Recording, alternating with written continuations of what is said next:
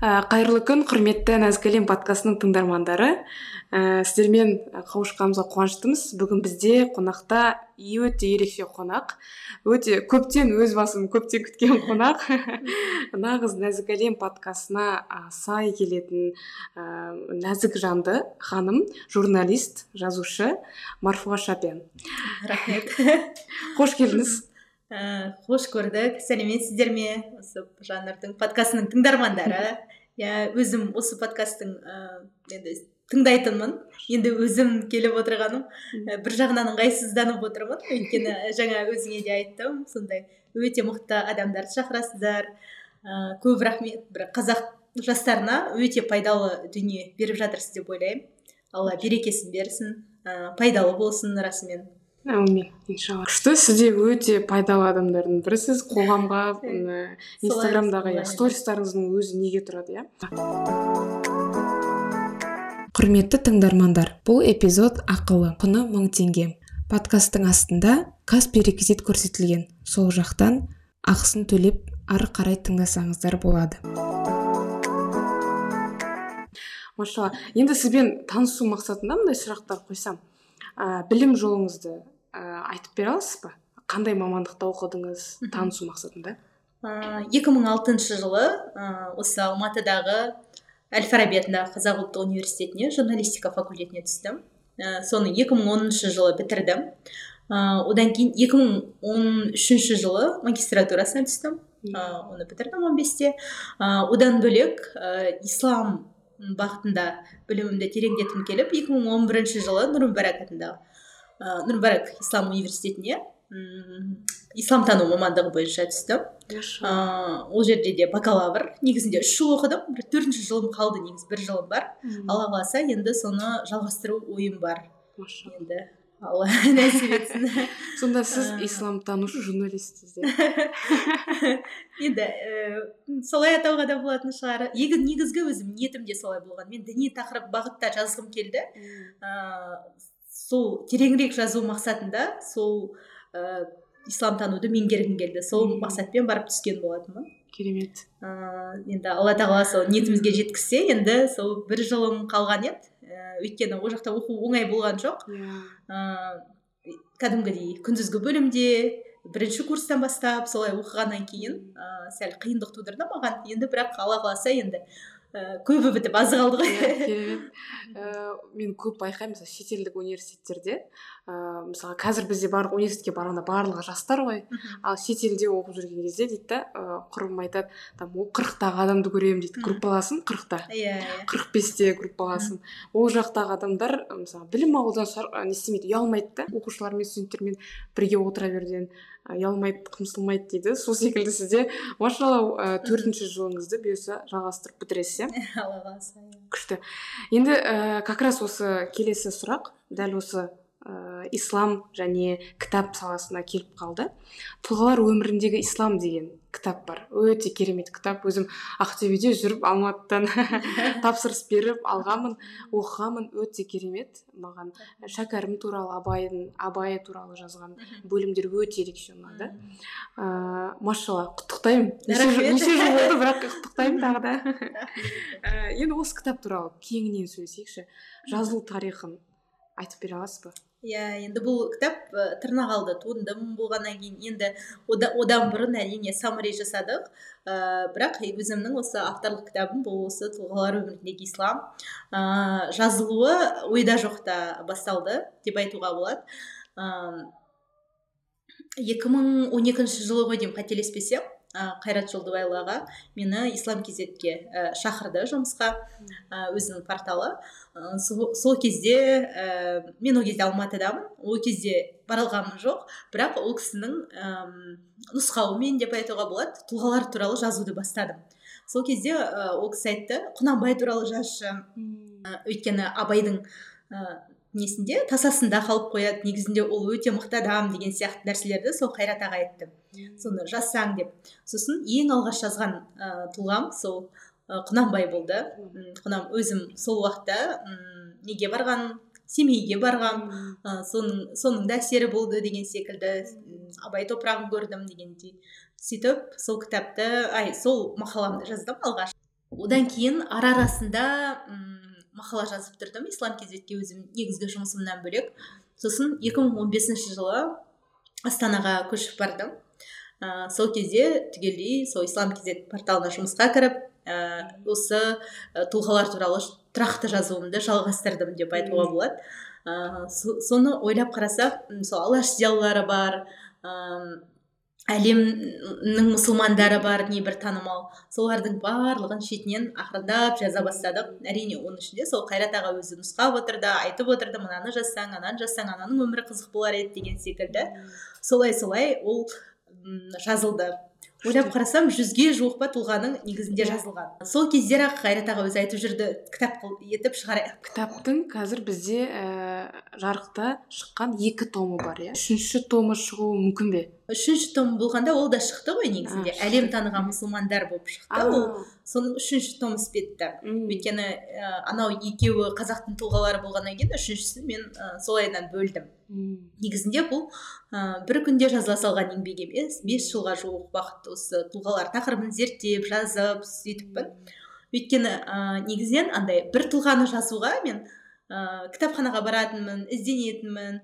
Білмеймін ол бір тұлғаның өзін жазуға маған кәдімгідей бір екі аптадай уақыт кететін кейде.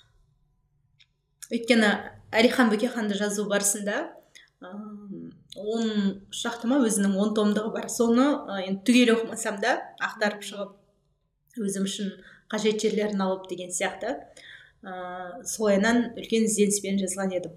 Ал ақсақ темірді жазу барысында өзбекстанға бардым. Кәдімгідей оның мавзолейін көріп ол туралы айтқан ғалымдардың сөздерін тыңдап ә, имам әл бұхариді жазған кезде сол самарқанның түбіндегі оның ә, кешеніне барып яғни қабірі бар ә, сол жердегі атмосфераны сезініп дейді ғой былайша айтқанда. Солайынан рухани атмосфераны сезініп. иә рухани атмосфераны сезініп оның барлығы бір бөлек дүние. Немесе сол жердегі әр адамның сонда істейтін адамдардың ықыласы пейілі болады ғой ғалымға иә. деген. Соның барлығын тыңдаған кезде оның әсері мүлде бөлек. Солай мен әр тұлғамда бір жаныммен жүрегіммен жазып шықтым деп айтуға болады. Мысалы қожа ахмет яссауиді да ол үшін түркістанға барып абай үшін абайдың топырағына барып деген секілді. Ыыы солай қатты ізденген едім. Мәшһүр жүсіпті жазар кезде жаңағы арқадағы мәшһүр жүсіптің өзінің кесенесіне бардым. Мысалы мен үшін мәшһүр жүсіптің өмірі ә, қатты ә, не істеді таң қалдырды мен үшін. Бір жаңалық болды өйткені. Оның әкесі андай ә, қатты білім білім өзі ә, қатты көзі ашық болмаса да білім ғылымға қатты құштар адам болады. Балам оқысын деп сонда бес жасар баласын ә, қалаға апарып ненің молданың алдына тастап кетеді сонда анау кіп кішкентай бала ғой. Кіп кішкентай бала дейді мен ә, ненің үлкен кәдімгі несі бар қақпасы бар дейді да үйдің. Сонда айтады мәшһүр мен ана әкем кетіп бара жатыр атқа мініп мен артынан жүгірдім дейді. Сонда кейін ойлап қарасам әкем де біліп тұр дейді да артына қайрылса өзінің ә, баласының бір болашақ есігін жабатынын түсінді дейді да ол да қайрылмайды оның да жүрегі қанжылап бара жатыр өйткені мен оның қырыққа келгенде көрген жалғыз баласымын дейді да. Ә, сонда ә, сөйтіп мені қалдырып кетіп оқу білімге баулыған сондай бір күш салған болады ғой сондай әке ол. Содан кейін мәшһүр сияқты мүшір жүсіп сияқты сондай бір тұлға бізге қазаққа дүниеге келді. иә нәсіп болды. Машалла. Сонда ойлап жазу барысына қарасам әр тұлғаның артында бір үлкен еңбек біреудің еңбегі тұрады біреудің ыыы жаңағындай жүріп өткен жолы тұрады. Соның барлығын оқығаннан кейін көргеннен кейін ә, бір ол тұлғалардың өзі әрқайсысы мені өсірді деп айтуға болады. Ә, менің де өміріме бір үлкен ә, ізін салды. Енді мен бір бара алмай қалған мен қатты бір өкінетін қатты бір ішім күйетін жер ол ә, сирия. Сирия онда шам өлкесі иә баяғы біздің айтатын. Мен әл фарабиді оқыған кезде жүрегім қан жылап тұрып оқыдым. Өйткені мен қатты армандадым сонау шам елін көру бағдат дейді ғой мысалы қазіргі ирактың жері. Мен сол біздің ислам әлемінің орталығы алтын бесігі иә. болған yeah. жерлердің барлығын көру сонда м сириядан әр хабар шыққан сайын әр бір бомба жарылды дегенді естіген сайын ол менің бір жүрегіме тасталып жатқан бір қадалып жатқан оқ сияқты сезілетін өйткені ол біздің бүкіл өркениетімізді күл талқан етті былайша айтқанда ол мүмкін батыс мүмкін америка иә соның барлығы ә, енді сол мен қатты өкінемін сол сирияны көре алмай қалғаныма. Оның бертінге дейін болды ғой негізінде бізде Иә. мүмкіндік болды. Немесе сол әл фараби жатқан оның қабірін зиярат мүмкін бір күні туатын шығар біз өмірден өткенше сондай мүмкіндік. Бірақ бір ә, осы тұлғаларды жазған кезде бір менің ә, орындалмай қалған дей ма бір ә, аңсарым болып қалған дүние сол шам өлкесі. Соғыс тоқтаса екен сол жақта бір бейбітшілік орнаса екен деп енді тілеймін да сол Иә. мекенде сол жерде. Бір сондай дүние. Ыыы сондықтан да бұл кітаптың айтып тұр ғой әрбірін жазғанда әр тұлғаны жазғанда мен бүкіл өткен тарихымызбен қайтадан жүріп өткендей бір қайтадан өзімнен өткізіп бір сондай бір әсермен жаздым. Содан болар халықтың да жүрегіне жол тапты. Осыған дейін біз бес рет жаңа төремнен сұрап жатсам осыған дейін біз бе- бесінші басылым жасадық деп айтып жатыр да бес рет басып шығарыппыз. Халық өзі жақсы көріп ііі жаңағы іздеп деген сияқты солайдан оқып жатыр. Шынымен керемет жүрегіңізде бір тілек қалыпты. Ә, бұрынғы исламның орталық алтын бесігі болған мекенде тағы да бейбітшілік бұрында болған бейбітшілік иә. Қой үс- үстіне бозторғай жұмыртқалайтындай заман болды ғой. Дәл сондай заман қайта келсе күшті болар еді. Ә, және бұл бізде сөзіңіз аузыңызда бесінші басылым мхм. ә, демек әр басылым қанша ә, енді әртүрлі кей- Әртүрлі. кейбіреу мыңмен шыққан кейбіреу екі мыңмен шықты деген сияқты сондықтан. Және әр басылым сайын сіздерде ә, тұсаукесер шығып тұра ма қалай Жоқ, мен алдыңғы жылы бір тұсаукесерде болдым. Мхм. Иә. Ә, енді ііі мен мүмкін андай ііі жазбаларымнан неден бір не сияқты экстраверт адам сияқты көрінгеніммен Мгм. ы былай ондай тұсаукесер жасауға неге онша жоқпын негізінде. Сондықтан ыыы біз өзіміз жасаған жоқпыз тұсаукесер мүлде шықты. Оқырманға Иә. таралды деген сияқты сосын сіздерде кітап алдың иә ұсынысымен ал- олар ұсынды осылай бір жасайық деген сияқты ұйымдастырамыз деген сияқты. Содан кейін солай жасалды. Ал негізінде өзіміз ондай жасаған жоқпыз тұсаукесерді. Күшті. Ә, енді мындай сұрақ қойсам сіздердің баспада тағы бір кітап бар. Ана болуға дайындық деген иә. Осы кітап туралы сөйлессек кітаптың берер құндылығы қандай? Ә, енді ә, көбінесе кез келген кітап болсын кез келген бір халыққа ұсынатын дүние адам ә, оны ұсынған кезде бір өзінен өткізіп барып ұсынады деп ойлаймын. Бір менде де сондай жағдай болды. Ә, мен үнемі айтамын өзім кеш тұрмыс құрдым 29 жаста тұрмыс құрдым. Ә, алғашқы сәбиімді 30 жасымда дүниеге әкелдім.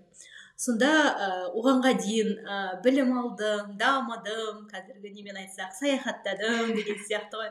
Анда жүрдік мында жүрдік карьера жасадық ә, бірақ ойлап қарасам ә, ана болуға ешқандай дайындалмаппын. Және маған да ешкім бір сен солай дайындал деген сияқты бір айтпапты. Сен тұрмыс құрсаң болды ары қарай өзің балаңды дүниеге әкеліп өзің өсіріп бір ә, сондай болып кететін сияқты көреді екен да бізде. Шынымен сондай расында. Мен де ә, тұрмыс құрдым ғой жақында. Ә, бәрі сұрайды қашан? деген сияқты. Бірақ ешкім ә, дайындал дайындық туралы еш- ешкім сұрамайды айтпайды. Сол үшін өте жақсы ым, нәрсе қозғап жатырсыз тақырып қозғап жатырмыз иә содан ыыы жаңағыдай ғой дүниеге келген кезде қызымды ештеңе білмейтінін түсіндім. Ештеңе білмеймін бала тәрбиесіне қатысты. Өйткені енді көп жағдайда қыздар не нәрсе құтқарады? Жанында енесі болса иә анасы мүмкін жақын жерде болса мүмкін солайынан әйтеуір. Ыыы алғашқы бір қиын кезеңнен шығып кетеді. Ал менің жағдайымда ыыы сол і, иә алғашында кішкене енем болды. Ә, бірақ бәрібір де ііі былай жалпы алған кезде мен әлгі ә, болады ғой әр нәрсені оқып біліп қалған адам. И бір нәрсеге тіреліп қаласың да сен ештеңе білмейсің. Ол нәрсе ол өте ауыр тиеді екен адамға. Содан ыыы ешқандай дайындалмағанымды ыыы мүлде білмейтінімді түсінгеннен кейін қатты басында өте көп қиындықтар болды. Бала қарауда болсын жалпы баламен қарым қатынаста болсын. Сосын ә, осы ана болуға дайындық кітабы біздің бір авторымыздан түсті. Осындай мен кітап дайындаймын. Мен оны оқып шыққаннан кейін қатты қуандым да. Өйткені менің қолыма мен жүкті кезде ондай кітап түскен жоқ немесе мен тұрмыс құрмай тұрып ондай кітап қолыма түскен жоқ. Ал мынау бір өте қазіргі қоғамда өте бір пайдалы дүние екен. Балаға қалай жүкті кезден бастап қалай күтіну болсын не істеу керек ыыы жалпы қандай дұғаларыңды оқу керек қалай дайындалу керек не істеу керек не қайда қарау керек айтады ғой бұрын қазақтар жүкті әйелге жаңағы. Тек әдемілікке сұлулыққа қаратқан балаң не сондай көркем болсын деген сияқты сондай бір дүниемен сондай сондай нәрселердің барлығын біз ұмытып кетіппіз оның барлығынан ажырап қалыппыз. Міне бұл ана болуға дайындық кітабын сондай бір қыздар мен секілді қиналып қалмасыншы қыздарға бір пайдалы бір нұсқаулық болсыншы деген ниетпен сондай мақсатпен шығардық расымен де қазір ә, тіпті айтады мен үшінші төртінші балам болса да мен мына кітапты алып оқыдым деп жатқан келіншектер бар. Өйткені ә, менің білгенімнен білмейтінім көп, екен. Біз көп нәрсеге мән бермеппіз деген нәрсені де осылай айтып жатады. Бұл аударма кітап иә? Ә, жасақталған. аудармасы да бар енді әр ә, әртүрлі басқа тілдегі ақпарат көздерінен алғаны да бар автордың өзінің жазғаны да бар ә, қазақи недегі мм біздің ұлттық болмысымыздан алып жазғаны бар. Былайша айтқанда бір жан жақты жинақталған бір дүние деп айтуға болады иә еңбек деп. күшті күшті. Ә, машалла. Енді мынадай сұраққа көшсек анамын деп жатырсыз ғой. Ә, және жаңағы марфу пресс деген сіздің баспаңыз бар иә? Журналистсіз. Ә, осыншама образды қалай бір бейнеңізге бір болмысыңызға жинай алдыңыз? Ә, және аяулы жарсыз енді анасыз жазушысыз иә жеке баспаңыз бар. Дүкеніңіз бар. Дүкеніңіз бар. Марфу шоп марфу пресс машалла яғни бизнес вуменсіз осындай бейнені бір бойыңызға қалай сыйдырдыңыз? Және осының бәріне қалай үлгеруге болады? Ә, мен енді жаңа да айтып жатырмын. Көп жерде де айтып жүрмін.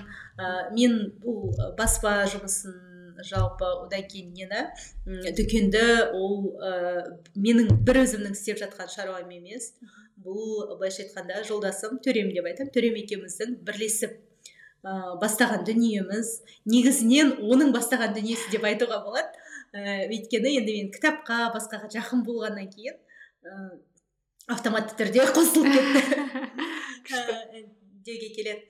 Сол себепті ә, өйткені расымен ә, әйел адамға ондай ә, ауыр жүктің бәрін алып жүру оңай емес оның барлығы өйткені біз жаңа айтып жатырмыз жар болудың өзі ана болудың өзі ол үлкен еңбек негізінде. Одан бөлек әрине сүйікті ісің жазушының жазуың ә, немесе блог жүргізуің ә, оның өзі де қаншама еңбек. Иә yeah, сондықтан иә мына подкаст барысында өзің көріп жүрсің иә подкаст жүргізуде ол оңай шаруа емес. Негізінде ал енді оған және дүкен қосылса баспа қосылса ол ойлай беріңіз қаншалықты мен андай супер адам болуым керек супер әйел болуым керек. Ә, сондықтан ә, бір өзім жасап жатқан дүниеме сол ә, төрем негізінен жасайды. Мен оған көмекшімін көмектесемін. Кітап таңдауда кітап шығаруда бірге ойласамыз. Жалпы бірақ марфу пресс баспаңыздың барлығын басқаратын сол жолдасыңыз иә? Күшті күшті. Өте айтып беремін дей ма? Бұл жерде расымен ә, мен айтып жатырмын ғой жаңа супер ә, келіншек болуым керек ә, барлығына үлгеру үшін. Ә, менің жасайтын бір белгілі бір міндеттерім бар ішінде. Бірақ оны түгелдей жасамаймын. Бір бұны ә, отбасылық кәсіп деп айтуға болатын шығар. Өйткені ә, төрем басында ол бүкіл техникалық жақтарын жасайды баспалармен де келіседі баспаханамен де одан кейін авторлармен де келісетін ә, түгелдей кітаптың процесіне жауап беретін адам ол төрем. Ә, одан кейін дүкеннің ісі де ол да түгелдей ә, жүргізетін ол. Ал мына жақта ә, менікі тек кітапқа жаңағы ә, негізінен таңдауға мүмкін сол жағынан ғана көбінесе көмектесемін немесе бір ә, мұқабасына деген сияқты болады ғой мына әдемі емес екен былай екен деген сияқты. Андай ә, не шығармашылық жағына көбінесе бір ә, сол жағына мүмкін менің үлесім болады. Ал ә, басында ең алғаш сол баспамызды ашамыз дегенде бір ол салаға да бір ә, кездейсоқ келе қалған жоқпыз. Ақырында мына ә, басында саммаримен жасап көрдік саммари ә, оны да бір болады ғой халыққа берсек пайдалы болсақ деген бір оймен жасаған едім. Сосын ол ә, неден оқырмандардан өте көп сұраныс туғаннан кейін ә, көп адамдар сұрайды электронды емес кітап бола ма деп. Сосын ойладық кітабын шығарып көрейік деп. Сосын төрем айтты онда мен шығарып берейін. Реттестіріп ол жинап жаңағы дизайнермен келісіп ол шығарып берді. Ә, шығарғаннан кейін қағаз күйінде оқығысы келген адамдарға ұсындық. Одан ары қарай ойладық. Неге баспамызды ашпасқа менің мына тұлғалар өміріндегі ислам кітабым дайын тұр. Ә, негізінде мен оны соңына дейін создым шығармаудың бүкіл болады ғой андай ә, несін қолдандым әдіс тәсілдерін барынша әлі ерте әлі дайын емес болады ғой. Бір соңына дейін сосын сол төремнің табандылығының арқасында ол айтты болды болмайды.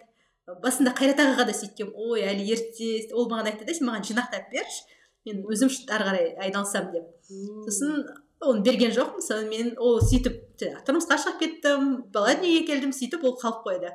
Сосын ә, төрем табандылығының арқасында былайша айтқанда ол қайтадан шығарды қайтадан болғанда енді неден кітап қылып ә, содан ақырын ақырын бір баспаның жұмысы өз өзінен болады ғой.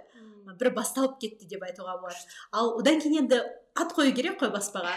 Ат қою мәселесі келген кезде төремнің бұрын жасаған оның лұғат деген несі бар? Ә, сөздік ә, сайт бар неде ә, ғаламторда.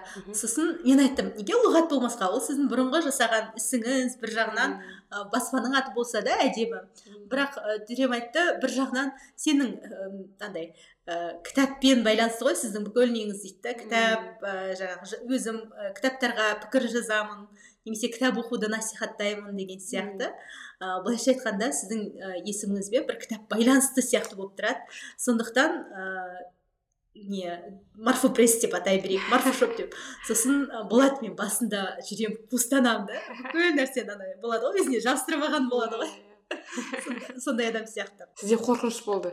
Мүмкін иә. сондай қорқыныш болды ма? Ыңғайсызданып бір ұялып сөйтіп жүрдім. күшті күшті.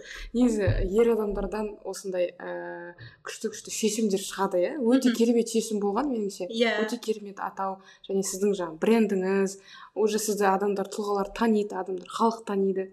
Ә, жолдасыңызға осы кезде халықтың атынан рахмет айтқым келеді. Өте Иә. керемет жазушыны үлкен ә, қолдау сіздің потенциалыңыз одан да ашылады жаңағыдай сіз сіздің атыңызда баспа тұр деген сияқты. Иә, иә. ол бір күш энергия береді ғой иә иә ол рас иә. Иә бір кітаптың авторы ретінде білемін то что мысалы кітап шығып жатқан кезде мә мынау менің атымнан шығайын деп жатыр мен максимум салайын деген сияқты болады андай сол секілді.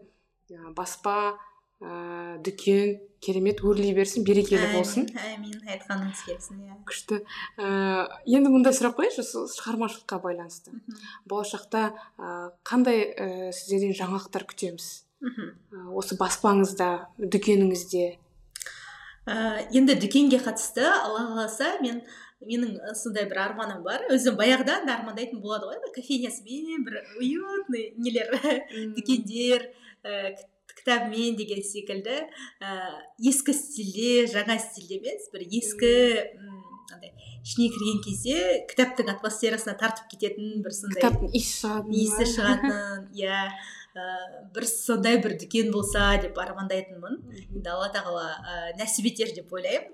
Ә, онда да жаңағыдай ғой оны сен басқарып оны жүргізгің келмейді бірақ андай өзіңдікі болса.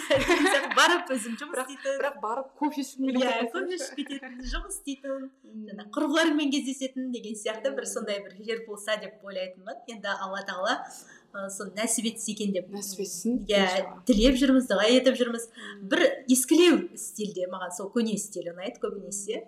Ыыы сондай ал енді баспаның ісіне қатысты айтар болсақ енді баспада аллаға шүкір ақырын ақырын дамып келе жатырмыз. Ыыы бұл нәрсені тіпті ыыы андай бір кәсіп көзі иә бұл кәсіп көзі ыыы ақша табатын жер бірақ одан да гөрі бір ы, одан да жоғары бір нәрсе бар. Ол біздің бір рухани ләззат алатын да дүниеміз. Адамдарға бір рухани ә, сыйлайтын алмасатын болады ғой. Сондай бір нәрсе сияқты иә бір сондай бір нәрсе сияқты сезінемін өйткені кітапты. Себебі ә, сен ә, бір өзің жақсы көрген өзіңе әсер еткен өзіңді бір тереңдікке жетелеген бір кітапты оқырманға ұсынған кезде олар да оны соны сезінеді олар да сол нәрсені алады деп ойлаймын.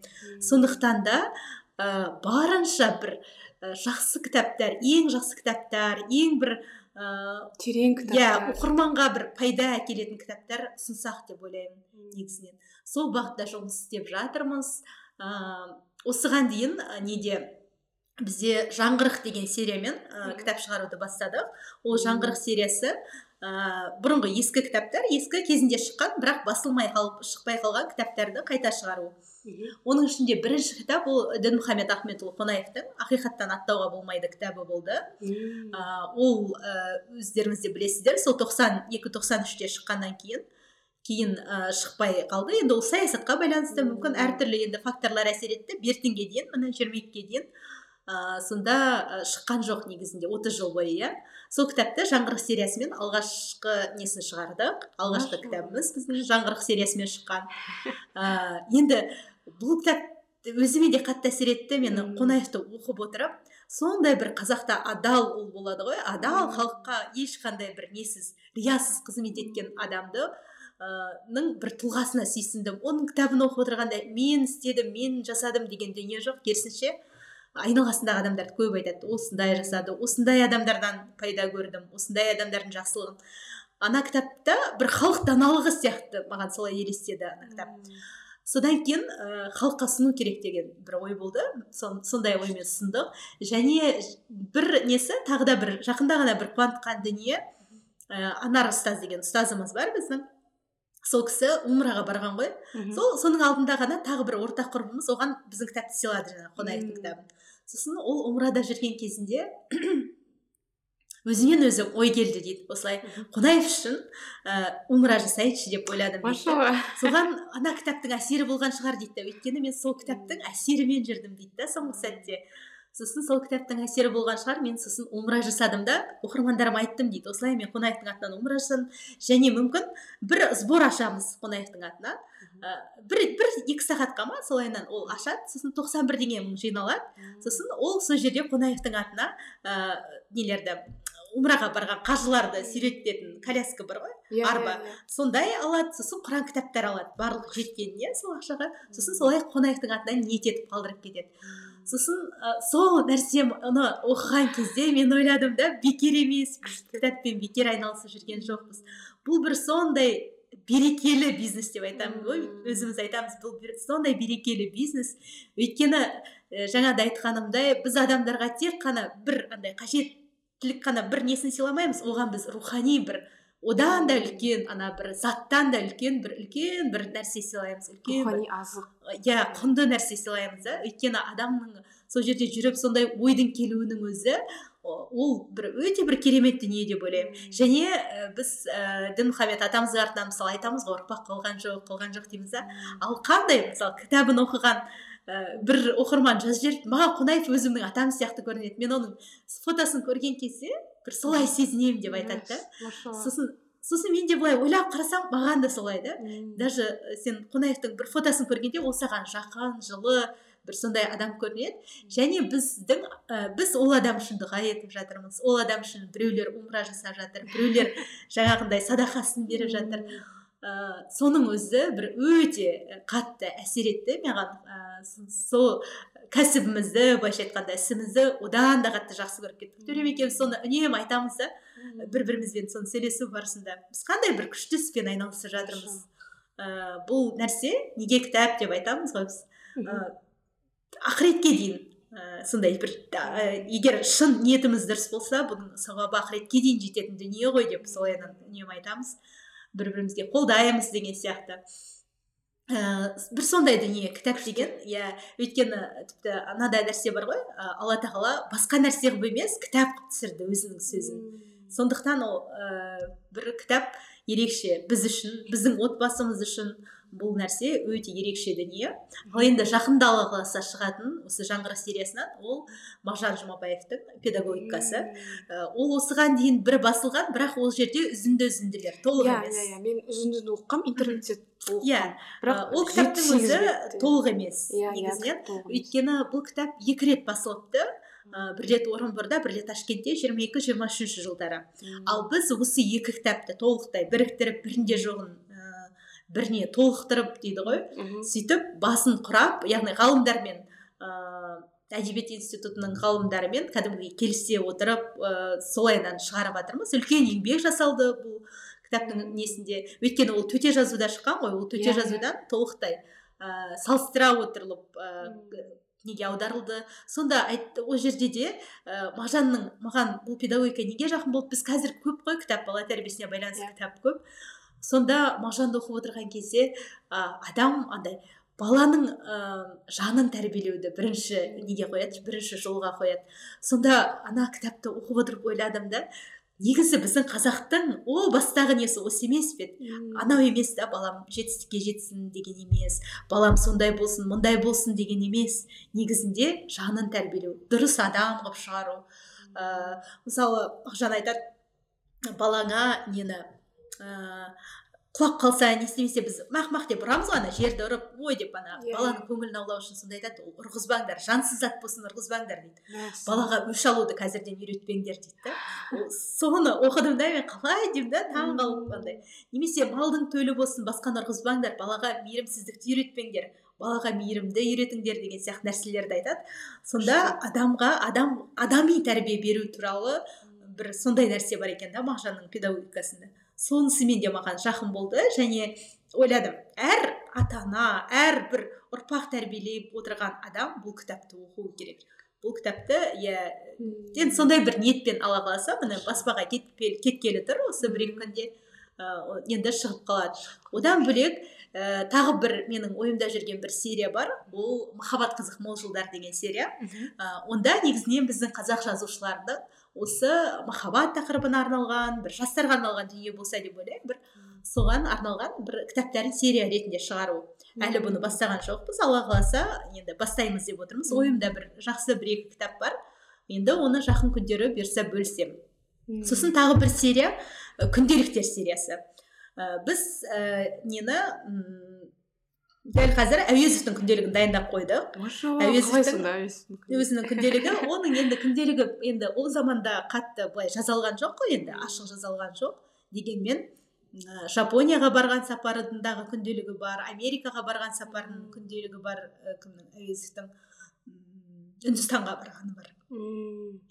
Сіз әдебиетке өте жақындығыңыз әрі терең білетіндігіңіз қуантады иә және сол біліп қана қоймай өзім ғана білдім емес. Өзгелер де білсін өзгелер де қол- қолдансын деген ә, ниетіңіз күшті керемет. Мен әлі анау ә, қонаев атамыздың ә- алға айтқан оқиғасымен әлі әсерленіп отырмын. Оның үстіне мағжан қосылып керемет күшті. Ә, және маған мындай сұрақ қызық та сіздер осындай ә, құнды ақпараттарды ә, қалай табасыздар?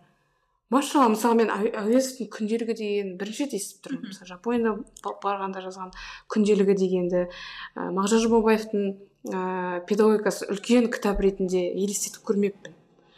Ә, ол ойладым мен мұғалімдерге бір ә, бір қалай айтуға болады ол оқыған кезде иә? нұсқаулық секілді ғана Иә, оқығанмын. Үлкен кітап ретінде елестетіп көрмеппін. Ыыы дінмұхаммед қонаев атамыздың да кітабын кітап бар деп ойламаппын. Ол біздің көрмедік те біз естімедік Иә. те. А, осындай құнды ақпараттарды табу ә, қаншалықты қиын? М, енді олар мүмкін менің кішкентайымнан әдебиетке жақын болғанынан шығар жаңа өзің де айтып кеттің ғой. Ә, кішкентайымнан үйде үлкен кітапхана болды көп кітап оқып өстім. Ә, әкем кітап жақсы көретін сондай кісі болды. Өзі жақсы көретін көп оқитын. Сосын ә, соның қайталап мүмкін еліктеп алғашында иә солайынан үйдегі бар кітаптың бәрін әкеме ілесіп оқи беретінмін кішкентай кезімнен. Ә, содан кейін шығар осы әдебиет әлеміне жалпы ә, осы әлем мені өте қатты баурап алды тартты кітап әлемі десем болады сол кішкентай күнімнен.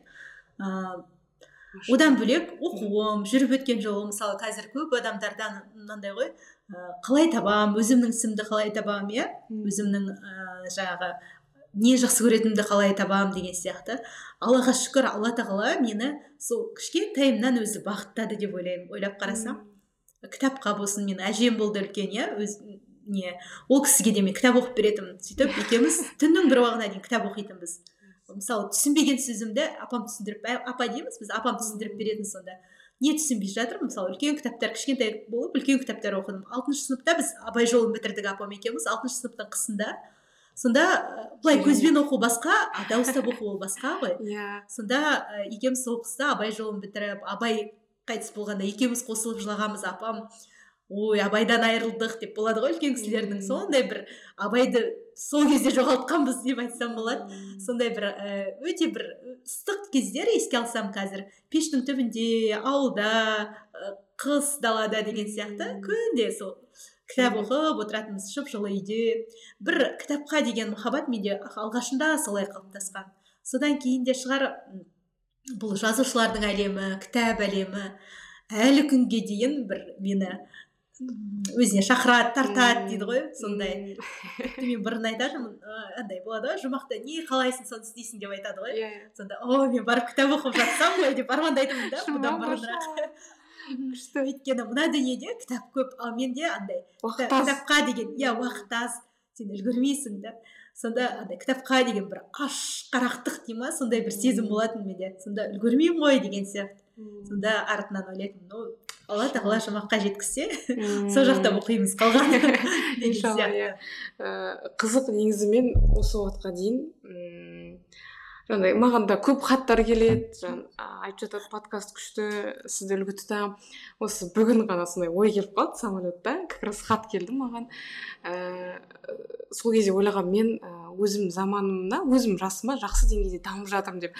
Бірақ сізді көріп ә, керісінше ойлап қалдым бізге әлі дамитын жер жетеді екен да. Ә, біз әлі бір табалдырығында тұрмыз ше біздің Иә, біздің негізі- поток біздің жастар. Әлі біз табалдырығында тұрмыз. Осындай тұлғалармен жиі сөйлескен кезде әрі олар сіз секілді андай сіз де қарапайымсыз ғой. Андай ә, о- ондай керемет терең тұлғалар обычно осындай қарапайым келеді сіз секілді. Машалла. Қатты ойландырып тастадың ойландырып тастадыңыз. Ә, енді осы жерде жаңағыдай ә, тәрбие туралы айтайықшы. Айтып отырсыз ғой апамның тәрбиесін алдым. Ә, тәрбие тал бесіктен деп те айтады ғой. Мағжан жұмабаев та жаңағыдай кішкентай кезден ә, балаға ә, құлап қалатындай деңгейінде жүрген кездің өзінде тәрбиелеу керек. Кішкентай кезден бастап деп айтып жатырсыз ғой. Қазіргі қоғамда баланың ә, қа- қалай тәрбиесі болады? Бір сөзінде айтып қалдыңыз жаңағыдай.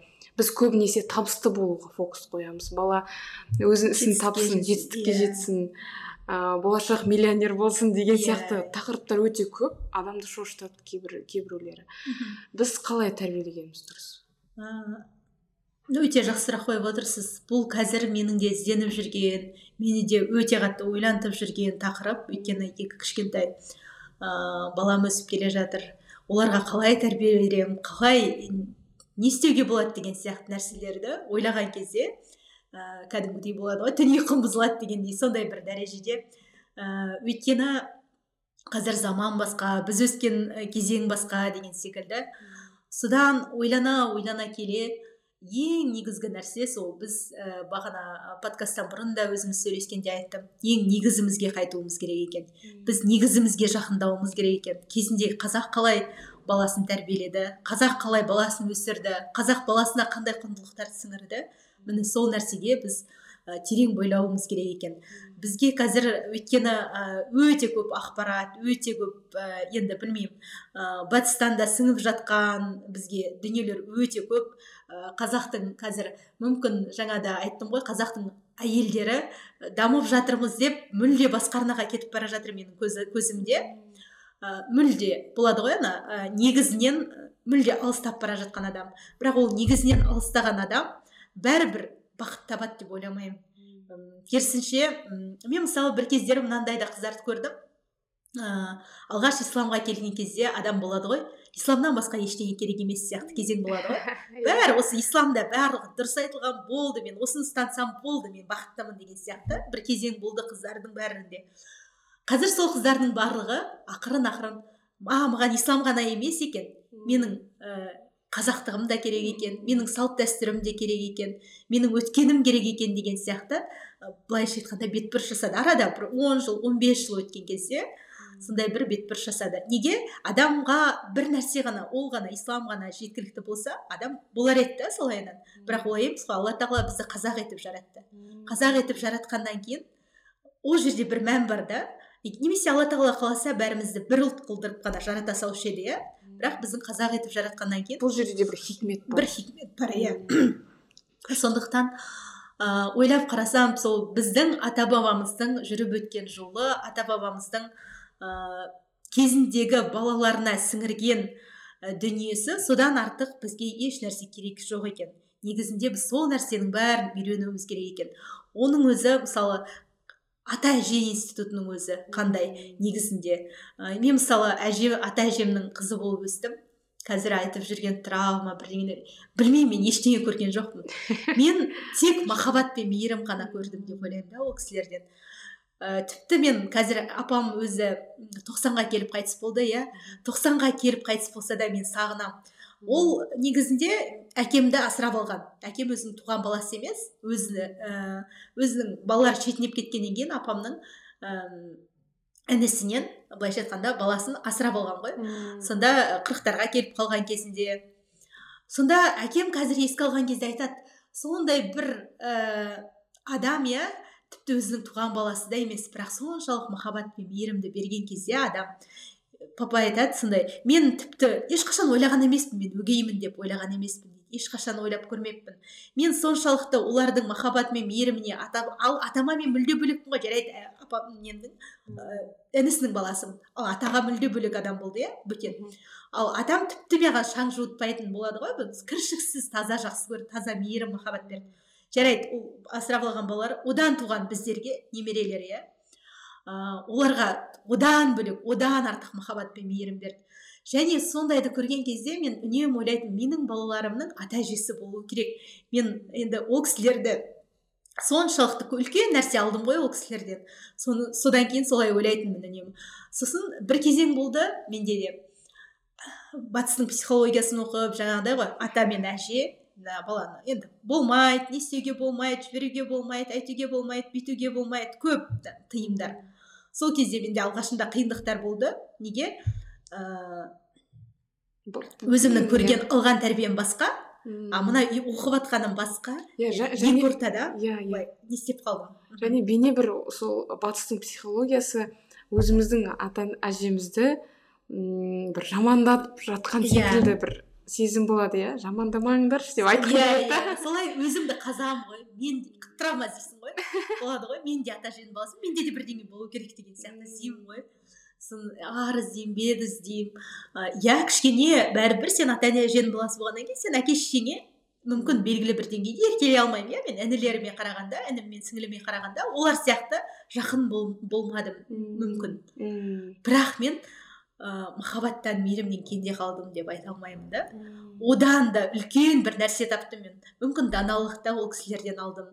Мүмкін бір білмеймін жаңа айтып жатырмын ғой кітап оқуым қалыптасты деген сияқты. Мен ол үлкен нәрсе алдым. Мен ол нәрсені ештеңеге айырбастамаймын. Ә, өйткені ол бір өте сондай бір жылы дүние.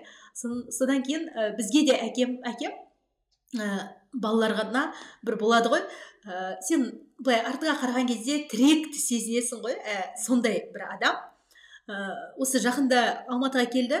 Сонда сіңлім екеуміз папамен сөйлесіп отырмыз. Айтамын да папа сіз қалай тәрбиеледіңіз? Мысалы мен ә, тіпті өзімде бір сәтсіз жағдай болса бірдеңе болса ә, үнемі сізге айта алатынымды білемін. Ә, сізге ашық айта алатын кез келген тақырыпта ашық сөйлесетінбіз әкемізбен. Соны сізге кез келген нәрсені айтатынымды және сіздің түсінетініңізді білеміз дейміз да. А ол осындай сенім екі ортада баламен орнату үшін не керек не нәрсе керек деп сұрадық та. Өйткені мен үшін қызық болды мен баламмен ол нәрсені орната алмай жатқан сияқты өзім сезіндім. Күшті сұрақ қойған екенсіз. сонда папа да ойланып отыр да ол да түсінбейді ол қалай ол нәрсе қайдан келді? Содан ә, біз ойлана ойлана келе сосын айтады да мүмкін махаббат пен мейірім. Мені шартсыз шексіз жақсы көрді ата анам асырап алған болса да. Олар мені ә, жаңағындай болады ғой. Мен не білдірсем де мен ол кісілер мені ешқашан бір неге бермейтінін білетінмін дейді да. Ренжітпейтінін немесе менің жағымда екенін мен білетінмін дейді да. Содан кейін сол нәрсені мүмкін мен алдым және соны мүмкін сендерге бердім деп айтты. Сол кезде маған ой келді. А мәселе қайда жатыр? Біз ойланамыз да біз жаңағындай қарап тұрсақ өзіміздің туған баламызға біз сондай махаббат пен мейірімді бере, бере алмай жатырмыз. Сондай бір шексіз болады ғой. Иә. Риясыз жақсы көру. Сонда ә, ал папа өзінің ата анасынан алды сол нәрсені және бізге берді да сонда ал әлемде жалпы былай ойлап қарасақ әлемде жалпы айналада ә, адам махаббатқа мейірімге тойса ол адам жамандық жасамайды. Ол адам мына дүниеге ә, немен жау жау көзбен немесе бір жауыздықпен қарамайды. Ал қандай адамдардан қылмыскер шығады? Мысалы зерттейді ғой ғалымдар. иә. Неге? Махаббатқа тоймаған мейірімге тоймаған әке шешесінен жаңағы внимание көрмеген анау мынау деп айтып жатыр ғой. Ал біздегі ата әже сол махаббатты бізге риясыз беретін кісілер еді негізінде. Ә, ата әжелер өйткені немереге солар ғой беретін. Мүмкін ата аналар ұрысуы мүмкін қатал болуы мүмкін бірақ олар қатал болмайды да. Олар риясыз жақсы көреді. Ал а, бала кез келген бала өзін риясыз жақсы көретін өзін бүкіл кемшілігімен қабылдайтын адамның барын білген кезде оның өмірі де басқаша болады. Ол мына әлемге ол да басқаша қарайды басқа көзбен қарайды. Сол нәрсені ә, көзіміз жетті де соны сіңілім екеуміз. А бізге сонда керегі тек қана махаббат пен мейірім. Балаға беретініміз сол. Ең бірінші беретініміз сол сол нәрсені жақсы сіңіре білсек балаға мүмкін ол бала да ертең ә, кім болса да ол қандай жаңағы жетістік не емес кім болса да адам болады бастысы. Мына әлемге айналасына махаббатпен қарайтын адам болады деген сияқты бір сондай бір қорытындыға келдік. Одан бөлек ә, қазір тағы бір мысал келтірейінші. Қазақтың әйелдерінде біз сол махаббат пен мейірімнен айырылып бара жатырмыз қазақтың әйелдері. Иә. Өйткені өте біздің аналарымыздың тарихын оқысақ олардың соншалықты бір андай болады ғой бір даналығын көргенде махаббатын көргенде балаларына болсын күйеулеріне болсын иә. Ә, риясыз қызмет еткенін көрген кезде мен андай таң қалдым да. Кәдімгідей оларды тарихтан оқыған кезде кеше маған бір кісі жаңағы мен өзім образдарымды былай не істеп жазып жатырмын ғой. Сөйтсе бір кісі жазыпты. Сіз төреңізге төреңіз екінші үшінші әйел алса да сіз осы нәрсені яғни жалғастырасыз ба деп сұрақ қойыпты да. Мен айтамын әрине ол нәрсе онымен байланысты емес қой негізінде. Ол нәрсе ол білмеймін андай екінші үшінші әйел деген біз үшін қазір проблема болмау керек деп ойлаймын да. Мен соншалықты бір бас қатыратын немесе бір соншалықты бір біздің өмірімізді андай қиындататын дей ма? Біздің фокус өзімізде болу керек қой өзімізде. Біз қаншалықты қызмет етіп жатырмыз? біз қаншалықты жолдасымызға иә? қаншалықты жар болып жатыр жар болып жатырмыз иә? Соның айналып келгенде сол жаңағы қызмет. Сен дұрыс жар болу үшін қызмет қой рияз құрмет қаншалықты көрсетіп жатырмыз деген сияқты. Содан жаңағы анаға байланысты айтайын дегенім әбіш кекілбаевтың анасы иә? Айсәуле деген анамыз апамыз. Ыыы соны айтады көз тірісінде халықтың анасы болған сондай бір әйел деп. Содан өздері енді маңғыстаудікі ғой. Үш ә, күйеуі соғыста қайтыс болады қырық үшінші жылы. Ә, сосын ә, не? Жалғыз ұл бар. Үш қыз үш қызын ұзатады сонда жалғыз ұлға қарап отырады былайша айтқанда өзі. Соны мен ә, осы жаңағы астанада болғанымда әбіш кекілбаев қайтыс болып кеткен ол кезде соның әйелі клара апаймен сөйлестім интервьюға бардым. Сонда сұраймын ғой енеңіз қандай адам болып еді? Енді енеңіз туралы енді халықтың аузында әртүрлі не бар пікір бар сөз бар деп сонда айтады ол кісі. Өте дана адам болды дейді. Мен біз естиміз ғой дейді да біз зере әжемізді енді сондай бір дана кісі болған деп. Мен менің ойымша менің енем сондай адам болды дейді да өте сондай ыыы әбіш несіне жаны жүрегі әбішінің үстінде болатын дейді. Ыыы ал неде маңғыстауда тұрды кімді әбішті оқуға жіберді. Сонымен қатар қайратты сондай адамды тәрбиелеп шыққан да болады ғой. Ыыы қазақтың аналары соншалықты соның андай тәрбиенің өзіне мен таң қаламын сонда әбіш кетті қалада. Осы жақта оқиды кейін анасын көшіріп әкетерде енді айтады ғой алыс енді екі орта. Қазіргідей қазір ғой жақын біз ұшып бара саламыз деген сияқты. Сонда ана жақтағы ел қауым айтады ғой қайда көшіп барасың? Ә, жалғыз балаңа енді балаңның артынан кетіп бара жатсың мында ел бар жер бар ол жақта не істейсің алматыда деген сияқты. Сонда айтады менің бір қу сүйегім қалғанша осы әбішімнің соңынан кетем деген. Ыыы осы барам деп. Содан барады өмір бақи жанында болады сол. Кейін келін келін түсіреді иә бірге тұрады. Ыыы сонда дейді қай кезде болсын айналайын ақ патшам деп еркелетіп отыратын баласын дейді да келін айтады. Айналайын ақ патшам әбішім деп айтып отыратын. Сонда оның мейірімі енді ондай мейірімді білмеймін енді таң қаламын дейді да ә, несі. Тіпті түнде біз біздің есігіміз немізге бөлмемізге кіріп төс неміз көрпесін жауып кететін баласының дейді да соншалықты бір қатты жақсы көрген. Содан өмірден өтерінің алдында ыыы жат енді хал үстінде жатты жүзге келіп қайтыс болды өзі. Сонда хал үстінде жатқан кезде ә, кімге ә, айтады әбішті ренжітпеңдер деп айтты дейді да. Содан бүйтіп қарасам дейді сонда әбішін қимай жатыр дейді да. Ана соншалықты. Содан ал әбіш кекілбаев соны енді шығатын қорытынды өте мейірімді жұмсақ болады ғой жан жағына өте сондай бір не шуағын шашқан кісі болған да негізінде. Сонда ә, ол үшін ондай жағдайға жету және сондай биік дәрежеге жету сондай иә? ұрпақ тәрбиелеу. Со, сон, сон, сондай дәрежеге жету ол кімнің арқасы? Ол ананың арқасы да. Оған соншалық ана махаббат пен мейірімді төккен со, сонымен қатар қажыр қайрат соның барлығын үйреткен өйткені адам жазу үшін де андай үлкен шығармалар жазу үшін де адамға қажыр қайрат керек иә? Күш керек иә, былайша yeah, иә, айтқанда. Со, соның барлығын қараймын да ал біз сондай ұрпақ тәрбиелей аламыз ба? Біздің қазіргі қазақ әйелдері жалпы немен айналысып жүр? Біз немен айналысып жүрміз? Ненің соңында кетіп бара жатырмыз деп үнемі ойлаймын. Біз қандай ұрпақ тәрбиелейміз? Ертеңге қандай ә, не береміз деген сияқты. Білмеймін үлгі береміз. Ә, біздің ұрпағымыз дұрыс адам бола ма? Ә, кезіндегі бір аналарымыздан сол секілді. Бір солардың даналығынан солардың бір ә, несінен өте алыстап кеткен сияқты көрінеміз. Қазір маған солай көрінеді. Иә yeah, yeah. ә, тым алыстап кеттік тым андай бір күндік дүниені ойлап кеттік. Жылтырақ дүниені сырты таудай іші, іші бос бос бір сондай сияқты көрініп кетемін өзіме кейде. Соншалықты бір ыыы өткен аналарымыздың ә, сондай нелерін оқыған кезде иә тарихын оқыған кезде мысалы ә, алмас алматов деген мықты жырау бар қазір.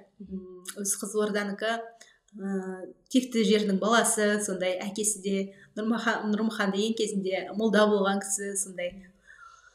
Былайша айтқанда сөздің қадірін білген дейді ғой. Сонда ол кісінің анасы төлеу деген ә, апамыз ә, дана кісі болған екен. Ә, сол қызылордада тұрғанында бір жолы ақселеу сейдімбектер ол кісінің баласы қайтыс болады да. Елдің алдында жүрген баласы қайтыс болып содан ақселеу сейдімбек мырсатай жолдасбековтер барып көңіл айтуға барады.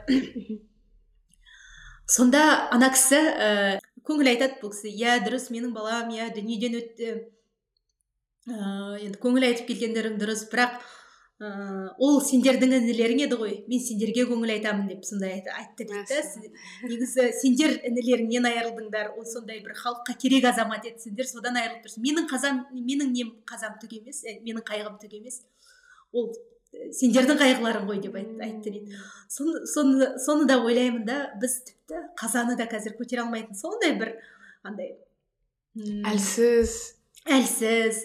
Одан кейін андай тағдыр тағдырды қабылдайтын емес мысалы алланың бір жазған жазмышын қабылдамайтындай бір кеуде соғып бір сондай бір дәрежеге жеткен сияқтымыз кеткен сияқтымыз. Мысалы мен анам дүниеден өткен кезде енді қиналып жатырмыз басқа болып жатыр иә мен аяғым ауыр деген сияқты. Сонда анамның мамасы яғни әжеміз бар нағашы әжеміз сонда сол кісі мені жұбатып жатыр да. Сонда соны ол кісінің мені жұбатып жатқанын көріп мен ойландым. Бұрынғының адамдары қалай? Олар қазаны да қабылдай алады. Тіпті қазаны да дұрыс қабылдай алады. Ыыы андай. Біз қазір бір қаза болса депрессиямыз бар басқамыз бар бүкіл әлемге өкпелеп бір өте бір андай эмоционалдық тұрғыдан да бір өте бір әлсіз бір сондай бір ыыы құдайға да сеніміміз сыртқы формада бар. Ішіміз бос қуыс жаңағы айтқандай да. Сыртқы формамызда күштіміз жаңағы орамалымыз бар ә, намазымыз бар күштіміз енді әңгімеміздің бәрі сол сол айтуымыз мүмкін. Тілімізде бар да ділімізде жоқ. Бір сондай бір жағдайда қалып қойған секілді көріндік та. Сонда жаңағы алмас алматовтың анасы даналық емей немене немесе менің жаңағы нағашы әжем айтып отырғаны мені жұбатып отырғаны ол кісінікі даналық емей немене да. Біз ә, түрлі батыстың кітаптарынан психологиясынан емес біз мүмкін бір сәт бір бетбұрыс жасап өзіміздің өткенімізден үйренуіміз керек шығар. Өйткені аналарымыздың жолын тағы бір қарау керек шығар бізге. Біз ә, қазір соншалықты бір ә, феминизм болсын әйел теңдігі деген нәрселерді ә, қатты көтеріп сөйтіп жүр ғой әйелдің бәрі қорлық көрген қазақ қоғамында әйелдің барлығы жаңағындай деген сияқты. Ә, сондай бір нәрсені көп айту бір не болып кетті. Ол нәрсені сосын оқыған көзі ашық деген адамдардың өзі көп айтады. Соларға қарайсың да ыыы негізінде ол емес еді ғой деймін да? Біз одан әрірек қарауымыз керек еді. Ол бертіңгіні қарап жатырмыз. Біз мына кеңес кезінен бергіні ғана қарап жатырмыз да? Кеңестің саясаты бізге сепкен ненің уын қарап жатырмыз иә иә соны қарап жатырмыз. Біз ә, соның зиянын зардабын ғана көріп жатырмыз ал негізінде біз арырақ мүмкін тереңірек үңілуіміз қажет пе ал жаңағы адамдар олар кеңес кезінде өмір сүрсе де мысалы ыыы әбіштің анасы болсын ә, олар анау баяғы өзінің ата әжесінен алған нәрсені ұстап қалғандар да баяғы өзінің ата бабасынан алған дүниені ұстап қалғандар немесе біздің ата әжелеріміз иә олар кеңес кез ал нағыз кеңес кезінің ә, балалары ол біздің әке шешелеріміз ғой негізінде. Сол кісілер да кейінгі кезең. ә, сондай дүние енді біз сол көбірек сол өткенімізге көбірек үңілсек немесе шәкәрімнің несін анасы туралы да жаздым иә? Ә, сондай бір кісілер енді риясыз қызмет еткен ғой өздерінің жарларына өзі болашақ ұрпаққа. Немесе біздің ә, жалпы найманда әлпеш ана деген кісі бар. Ол кісінің де бір несі оқиғасы ол бүкіл бір әулетті сақтап қалған сондай бір аналар өткен. Бізге сол аналарымыздың бір даналығы жетпейді сол аналарымыздың бала тәрбиелеуде болсын бір ерік жігері жетпей жатқан сияқты. Бір соны көбірек сіңірсек көбірек сол нәрсеге ден қойсақ сол бағытта мүмкін білімімізді арттырсақ иә. Қазір ә, жаңа айтып жаңа да айттым ғой ә, даму не деген бар. А бірақ қай бағытта дамып жатырмыз біз сол нәрсеге мән бермейміз да. Бәріміз әйтеуір дамығымыз келеді. Бірақ біз не не тұтынып жатырмыз не оқып жатырмыз.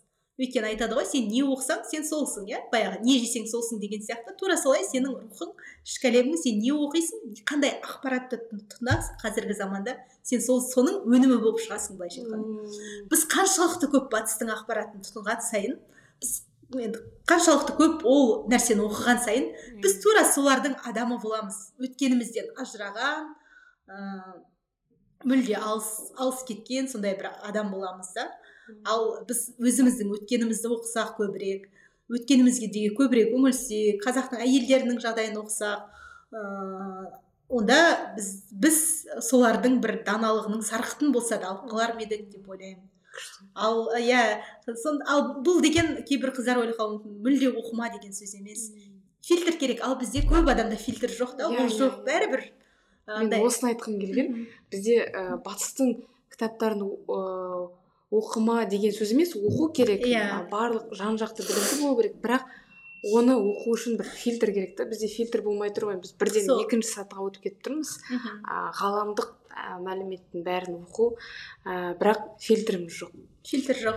Yeah. Иә. ол фильтрдің орнауы да өте бір не дүние екен мен ойланып соны қарасам тіпті болады ғой мен барлығын ақылмен түсініп тұрсам да. Кейде эмоциямен біз әйелміз ғой. Hmm. кейде еріп кетесің сен де дүрмекке yeah, иә, еріп yeah, кетесің. Өйткені мен оны өзімнен байқадым. Соны ойлаймын да саралап отырып. Мен бәрін ақылмен түсініп тұрсың ғой мынаның былай екенін былай екенін ал енді неге мынаған кетіп баратсың деген сияқты бәрібір ыыы андай негіз мықтап қаланбаған да негіз мықтап әбден андай сіңірмей мысалы табиғат ағалар тыңдаған кезде андай болады ғой негіздері әбден мықты иә. орныққан болады ғой сол соларына қараймын да мысалы ол кісі көп айтады ғой батыстың несін оқымау туралы айтады ғой иә, абай иә. туралы айтқанда сонда айтқан кезде соны қараймын да таң қаламын. Ол неге ол олай айта алады? Сенімді өйткені мықты негіз бар да мықты қаланған деген сияқты. Ал бізде әлі бүйтіп шатқақтап тұрмыз. Иә, иә. иә сол себепті де кішкене қиындау бізге. Және жаңағы ә, текті тұлғалар туралы айтып жатқан кезде көп қазіргі қоғамда тенденция бар. Әйел кісілерде ә, тек қана алсам екен дейді да. Ә, қоғамнан алу ә, жұбайынан алу то есть ер адам маған беру керек ол маған міндетті маған бәрін беріңдер мен тек еркелеп жүре берейін деген сияқты бір формада. Бізде жас өсіп келе жатқан жеткіншек қыздар ә, ол жағынан жаңағыдай жастықтың буы да қосылады онымен одан сайын еркелегіміз келеді да иә бізге бәрі міндетті. Бірақ бір сәт ойлап қарасақ мысалға кез келген қарым қатынас иә неке болсын тіпті дос пен адамның қарым қатынасы бала мен ананың қарым қатынасы ол кезде барлық ә, қарым қатынастың негізі кілті беру болу керек та yeah. Иә. алу емес yeah. Иә. ал біздің бәріміз фокусымыз алу қалай біз ер азаматымыз миллион табу керек біз қалай баламыз біздің табысты болсын ол бізге берсін неге оның ар жағын табысты болсын деп жатыр yeah. Иә. оған жақсы болсын емес маған жақсы ол ертең маған табыс алып келсін. Yeah. ертең мен миллионердің анасы болып отырайын да мысалға барлығындай алу болып қалған да. Ә, тарихқа қарасақ мысалға әбілқайыр ханның ә, жолдасы ханымы бопай ханым. Ол ә, одан туған барлық ұлдар хан болған. Ол өте себі текті ханым болған ше. Ә, өте жаңағыдай мәмілегер ержүрек қайраткер болған. Ол тек қана сұлу болмаған ол өте ақылды болған. Және сол кезде әбілқайыр хан ә, ақылдасқан. Ханыммен ақылдасқан. Ол сонда мемлекеттің жағдайына тікелей ә, жаңағыдай қатынасқан әйел иә, болған да? иә, иә. тікелей қатынасқан. Бұл жақта ә, бопай ханым тек қана алуды көздеп отырса одан хан ұлдары ұлдары хан болар ма еді? Хан ұлдар тәрбиелей алар ма еді да?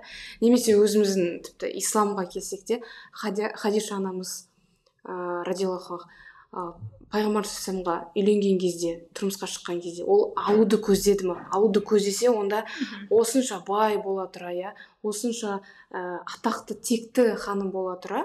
Қаншама күшті ұсыныстардан ә, бас тартып қарапайым ол кезде 25 жас пайғамбарлық әлі келмеген қарапайым адал жас жігітке пайғамбарымызға иә. саллаллаху тұрмысқа шығуға мысалы келісер ме еді иә? Ұсыныс тастар ма еді? Немесе айша анамыз екі мың екі жүзден аса иә хадисті иә. риуаят еткен. Ә, қанша адамды адамға не білім берген тіпті сахабалардың өзі келіп одан ақыл сұрайтын болған. Сондай ә, анамыз жас жап жас өмірін сөйтіп жас жас жап жас кезінде тұрмысқа шығар ма еді иә. Егер некеде қарым қатынаста ыыы беруді көздемесе тек қана алуды көздесе ондай болар ма еді да? Сондай берекелі неке берекелі ғұмыр қандай айша анамызда қандай берекелі ғұмыр деймін да? Иә. қанша білім тастап кетті артына қанша мұра тастап кетті мүміндердің анасы атанар ма еді да? И біз көбінесе жаңағыдай алуды ойлап кетеміз. Шатқалақтап қаламыз бірақ бірден жаңағыдай тегімізге қарау керек та? Бірден мен иә. анамды есіме аламын. Иә. ол әкемнен тек қана алуды көздеді ма? Иә. жоқ әрине алуды көздемеді. Вообще ойламауы да мүмкін. Тек беруді көздеді иә? Әкемізге қандай әкеме қандай қолдау көрсететінім мысалы есімде де. Сол сияқты да әке әке ә, шешеміз ата әжеміз бабаларымыз олардың мұраты қандай болды? Иә негізінен жақсы айтып отырсың иә. Мына нәрсе андай бұл ғасырда білмеймін андай адамдардың нәпсісі өскен ба эгосына көп сондай өскен бір сондай бір кезең қазір әсіресе әйелдердің оның ішінде. Ә, енді оған не себеп болып жатқанын білмеймін бірақ өте маған болса мен өссем. Жаңағы мына ананың бәрі неден туады? Карьера жасау немесе бір сондай бір нәрсеге адамдарды мойындатуға ұмтылу деген нәрсенің барлығы ол неден туады? Оның барлығы жаңағы эгоның ғой іштегі бір нәпсіңнің өскенінен да. Оның барлығы өскеннен сосын сен адамдарды мойындатқың келеді ыыы карьера карьера жасау болсын көп ақша табу болсын оның барлығы не? Айналып кеткенде адамдарды мойындату да? Мойындат, мойындатуға талпыну. Мен осындаймын мен осын жеттім. Немесе жаңағыдай жетістікке жеткен бала тәрбиелеу не үшін? Ол да сондай мен осындай бала тәрбиеледім деген сияқты. Ол анандай қазаққа бір осындай бір ұрпақ сыйлайыншы немесе бір елге қызмет ететін адамзатқа қызмет ететін бір ә, сондай бір адам не істейінші деген сияқты емес та. Бір сондай бір кезең болып тұр бізде қазір. Расымен өте көп ә, әйелдеріміз алуды ғана ойлайды. Ә, мүмкін сол нәрседен мүмкін бізде қазір бақыттың түсінігі дұрыс емес шығар иә? Бақыттың түсінігін ә, өзгертіп жіберген шығармыз иә? Біз енді ә, исламда ә, мен қазақтың өткеніне қараймын да қазақтың өткен әйелдері болсын нені исламды қалай әдемі ұстанған деп ойлаймын үнемі соны ойлаймын да таңқаламын мысалы біздің аналарымыз болсын әжелеріміз болсын ыыы күйеуіне бойсұнғаны күйеуіне ә, бергені жаңағы айтып ғой қызмет еткені. Ыыы соның барлығы беру ғой былайша айтқанда барын беру отбасына беруі олардың соншалықты бір жоғары деңгейде екенін көресің де ыыы қатты таңқаласың расымен біз үнемі өткенімізге ғана қарай салу керек бізге қиын қиындатудың керегі жоқ. Ал біз қазір оның бәрінен ә, бас тартқымыз келеді. Өйткені біздің нәпсімізге қиын да ол. Нәпсіміз әбден семіріп алған. Сондықтан м кері кеткісі келмейді. Ә, ол үшін ә, мүмкін бақыттың жаңағы айтқанындай бақыттың ә, түсінігін дұрыс түсінуіміз керек шығар. Бақыт негізінде ол не нәрседен мысалы қазір бізге батыс айтып жүргендей өзіңнің сүйіктісіңмен айналысу ол егер сүйіктісің сенің себет тоқу болса сонда сенің бұл өмірге келгендегі бар мақсат мұратың бір себет тоқу ғана ма? Себет тоқудың айналасында ғана ма? Адам соны түсіну керек адам бұл өмірге бір себетті тоқып соны содан ғана ләззат алып алып кету үшін келген жоқ. Немесе бір ғана өзі сурет салып сол сурет салудан сол өзі мәз болып соған кету үшін келген жоқ та. Адам мына дүниеге ә, біз айналамызға қызмет ету үшін иә айналамызға пайдамызды тигізу үшін айналамызға былайша айтқанда жақсылық тарату үшін соны сол үшін келдік. Және біз сол жолды таңдаған кезде біз бақыт табамыз негізінде. Ол ал ол қызмет ету ол беру барымыз ол неден басталады? Әрине ол ең кішкентай өзіміздің отбасымыздан бала шағамыздан айналамыздан. Одан кейін ол халық ары қарай сенің энергияң күшің тасып жатса одан кейін сен халыққа бересің. Одан да көп ә, ортаңа қоғамға солай солайдан ары қарай бересің. Мысалы солай андай болады ғой риясыз қызмет ету деген дүниеге келген кезде ғана ал қалған ол кезде атақ та ақша да абырой да барлығы өзі сенің артыңнан жүреді иә, сен иә. оны қаламасаң да сен оған ұмтылмасаң да соның барлығы жүреді ал біз қашан ыыы ақшаға бір ұмтылсақ абыройға атаққа бір ұмтылсақ сол жерде барып бір тупикке тірелеміз тағы бір тірелеміз. Солайынан тағы қайтып жанымыз тынышталмайды қайтадан артқа қайтып тағы сондай жол іздейміз деген сияқты. шексіз бір круг болуы мүмкін иә. Ол даже иә сондай болуы мүмкін да. Айнала беріп бір тұйыққа дүние жоқ та.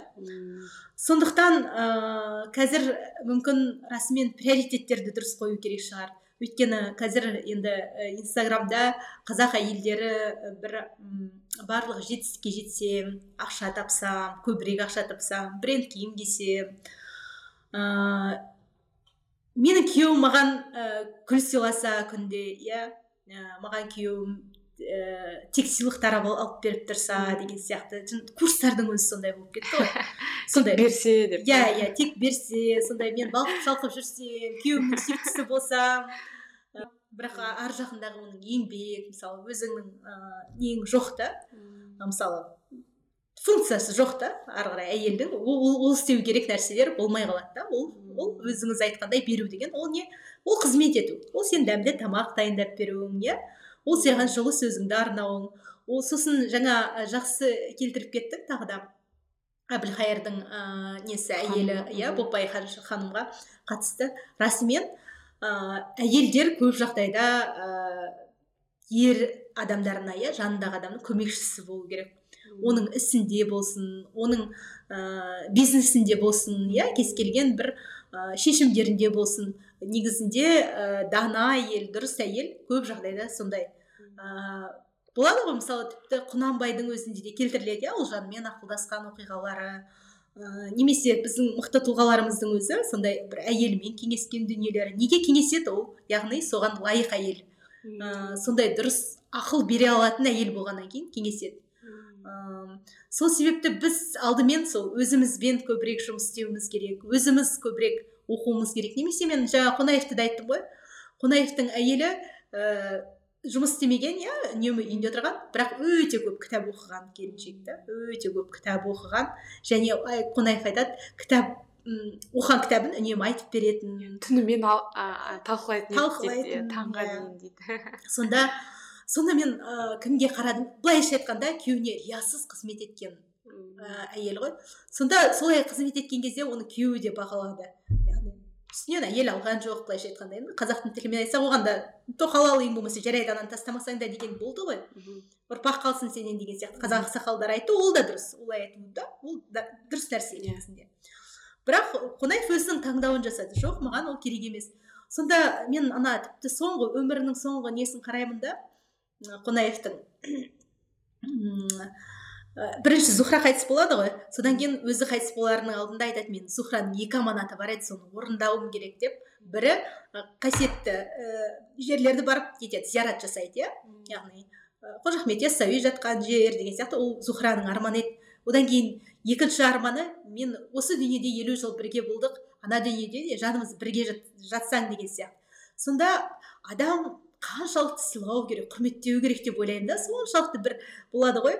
Өте бір кіршіксіз сезіммен ыыы әйелінің соңғы аманатын солай орындау деген бір өте бір керемет дүние деп ойлаймын. Біз ә, сондай дәрежеге егер расымен жеткіміз келсе біз солай ә, зухра сияқты мүмкін риясыз қызмет етуді де үйренуіміз керек. Және ол бір бір тамақ жасап маған не бересің деген емес. Бір тамақ жасадым маған құрмет қайда деген емес. Ә, немесе бір ә, қадам жасап ал енді деген мүмкін ол жылдарға созылады мүмкін білмейсің да. Ә, мүмкін оның қайтымы болмауы да мүмкін. Бірақ біз мұсылманбыз ғой біз ә, біз оның алладан болатынын білуіміз керек та. Біз Иә, иә. әр әрекетіміздің негізінде оның сыйын беретін алла екенін ұмытпауымыз керек. Ал сол нәрсені ұмытқан кезде біз адамдардан жаңағыдай әр неден күткен кезде ол уже бұзылады да барлығы бұзылады өзіміз шаршаймыз депрессияға ұшыраймыз Иә, деген иә, иә. сияқты.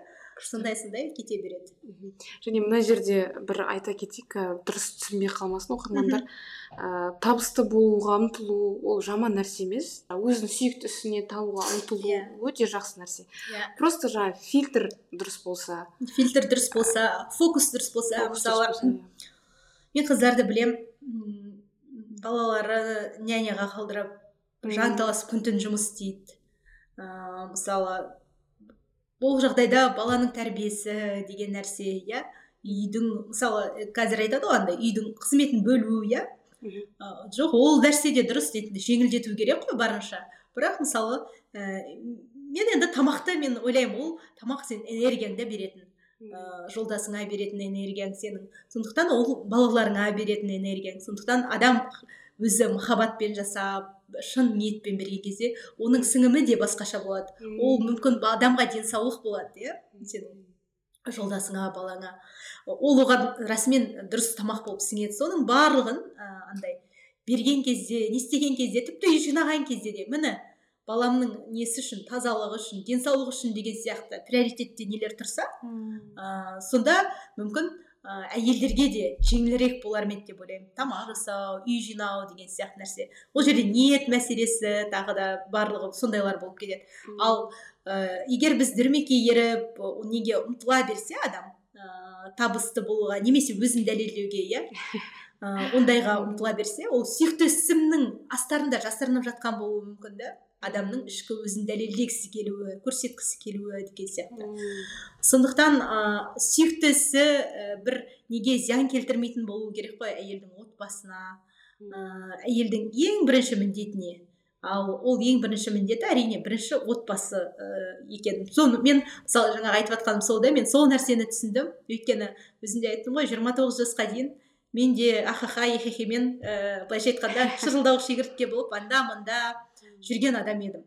М, тіпті ііі бір үлкен кісілер үлкен ағалар сөйтіп айтқан кезде әйелдің міндеті бірінші міндеті үйде отбасында деп айтқан кезде маған ауыр тиетін сонда әйелдің бар міндеті сол ақ па? Сонда одан артық міндеті жоқ па? Сонда деген сияқты. Неге әйелді шектегісі келіп тұрады осы еркектер деген сияқты болады ғой. Оның барлығын қазір ойласам ол бәрі менің өскен нем нәпсім семірген нәпсім өскен эгом сондай нәрселер екен. Біз і, өз табиғатымызға қайтқан кезде тіпті болады ғой әйелдік табиғатымызға. М, ер адамдармен жарыспай өзіміздің әйел екенімізді сезініп ә, өзімізге не нәрсе берілгенін барлығын ұққан кезде түсінген кезде нағыз жаңағы бақыттың да дәмін сезе бастайсың. Нағыз бір жүректің тыныштығы деген нәрсе де келе бастайды екен. Солайынан болады екен. Ал біз ә, керісінше жанталасып әр нәрсеге бір ұмтылған кезде береке болмайды. Ол кезде береке болмайды екен иә береке болмайды. Бірі ақсайды және ол отбасы болса ол өте өкінішті да. Ол ақсайтын нәрсе отбасы болса ол өте қиын. Өйткені ә, қазір көбінесе байқасаңыз карьералықда жетістікке жеткен әйелдер ә, туралы айтқан кезде ол жалғыз басты ма бала шағасы жоқ па немесе ажырасқан әйел шамасы деген сияқты әңгіме айтылады тіпті. Көп жағдайда отбасымен қатар ұстап тұру ол өте қиын негізінде. Ол өте ауыр. Әйелге. Ал әйел төлеубек ұстаз айтады ғой сізге әйел қаласа жұмысымен ол жұмысымен. Сіз бір күні ұнамай қалса подкастпен айналыспай қоюыңызға болады бір ай екі ай. Сіз Иә. қайтадан айналысқыңыз келгенде айналысыз ары қарай кете беретіндей бір сондай нәрсе болу керек та әйелдің шынымен бір қалауы. Ол анандай ұмтылып жанталасқан бір сондай нәрсе болмау керек. Ал одан кейін ол ә, неңіз жаңағы шығармашылығыңыз сізге табыс әкеліп жатса ол енді ол өте керемет. Расымен өзіңнің қалтаңдағы ақшаң деген сияқты ол нәрсе тіпті керемет дүние. Күшті. Күшті. Шынымен ә, мен де түсініп жатырмын отбасы бір өте үлкен нығмет. Ол жақта шынымен береке бар. Сол жақта мысалы бір кішкентай ғана бір іс істесе ол үлкен берекелі болады да. Мысалы ше жалғыз өзіміз жүріп шапқанға қарағанда. Ә, және ә, жолдасым да айтады «А, қандай отбасында берекелі бар дейді тіпті нанға қарап та түсінуге болады деп әзілдейді мысалы бір нан бір аптаға жетеді да. Ә, бірақ береке осындай кішкентай нәрселерден де ақ көрінеді. Сонда ойлаймын да аллах тағала бекерден бекер ә, береке бер- бермеген демек отбасы өте бағалы дүние өте құнды дүние. Сол үшін Ә, сіз қаншадасыз жиырма екі. Жиырма екі. Машалла. Андай ғой өте жақсы да өте жақсы жаста тұрмыс құрдыңыз деп ойлаймын да. Ә, тағы бір мен бір андай айтқым келетін нәрсе ол қыздардың ертерек тұрмысқа шықса екен деп ойлаймын. Ертерек жаңа жақсы насихаттап жатсыз ғой отбасыдағы бір берекені болсын ә, отбасы жаныңда жарыңның болуы және оның қолдауы оның сені құрметтеуі. Жалпы тіпті сен ә, таңғы ішкің келді сен жалғыз емес жаныңда бір адаммен ішудің өзі. Ол деген білмеймін үлкен нығмет үлкен бір өте күшті нәрсе. Және ә, қарапайым ғана сен түнде басыңды жастыққа қойған кезде сенің жаныңда бүйтіп ә, басыңды иығына қоятын адамның болуы да ол өте бір керемет нығмет деп ойлаймын. Әркез соны андай түсінген сайын ойлаймын ә, жалғыз басты қыздар тезірек тұрмысқа шықса екен деп. Сондай тілеймін шын ниетіммен. Өйткені ә, мен көрдім ғой жалғыз жүріп те көрдім иә. Сен жалғыз жүрген кезде ол өте қиын көп нәрсе қиын негізінде.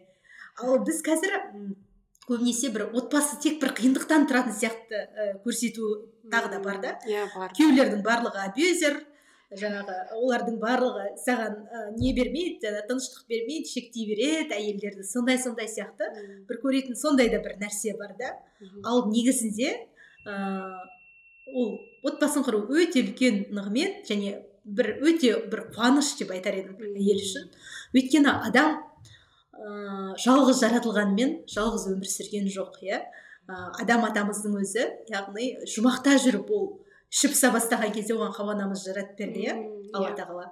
Яғни осыдан ақ біз жалғыз ақ бақытты боламыз деген әңгіменің бастысының айтатын әңгімесінің ол дұрыс еместігін көруге болады адам жалғыз иә жеткілікті болар. болса да. Аха. Жеткілікті болар бір нәрсе белгілі бір дәрежеде. Бірақ мен бақытты болады деп ойламаймын да. Бір толық бақытқа Толық бақытты, толық иә. бақытқа иә.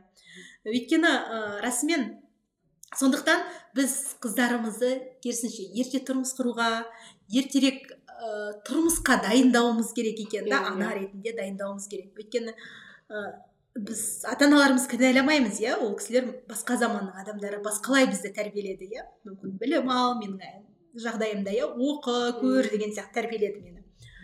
Жалпы біздің отбасындағы балаларды Мгм. ал бірақ ә, қазір өзім осы э, жасқа келгенде иә отыздан асқан кезде мен түсінемін. Керісінше біз қыздарымызды ертерек тұрмысқа дайындауымыз керек екен. Оның ертерек ана атануына иә?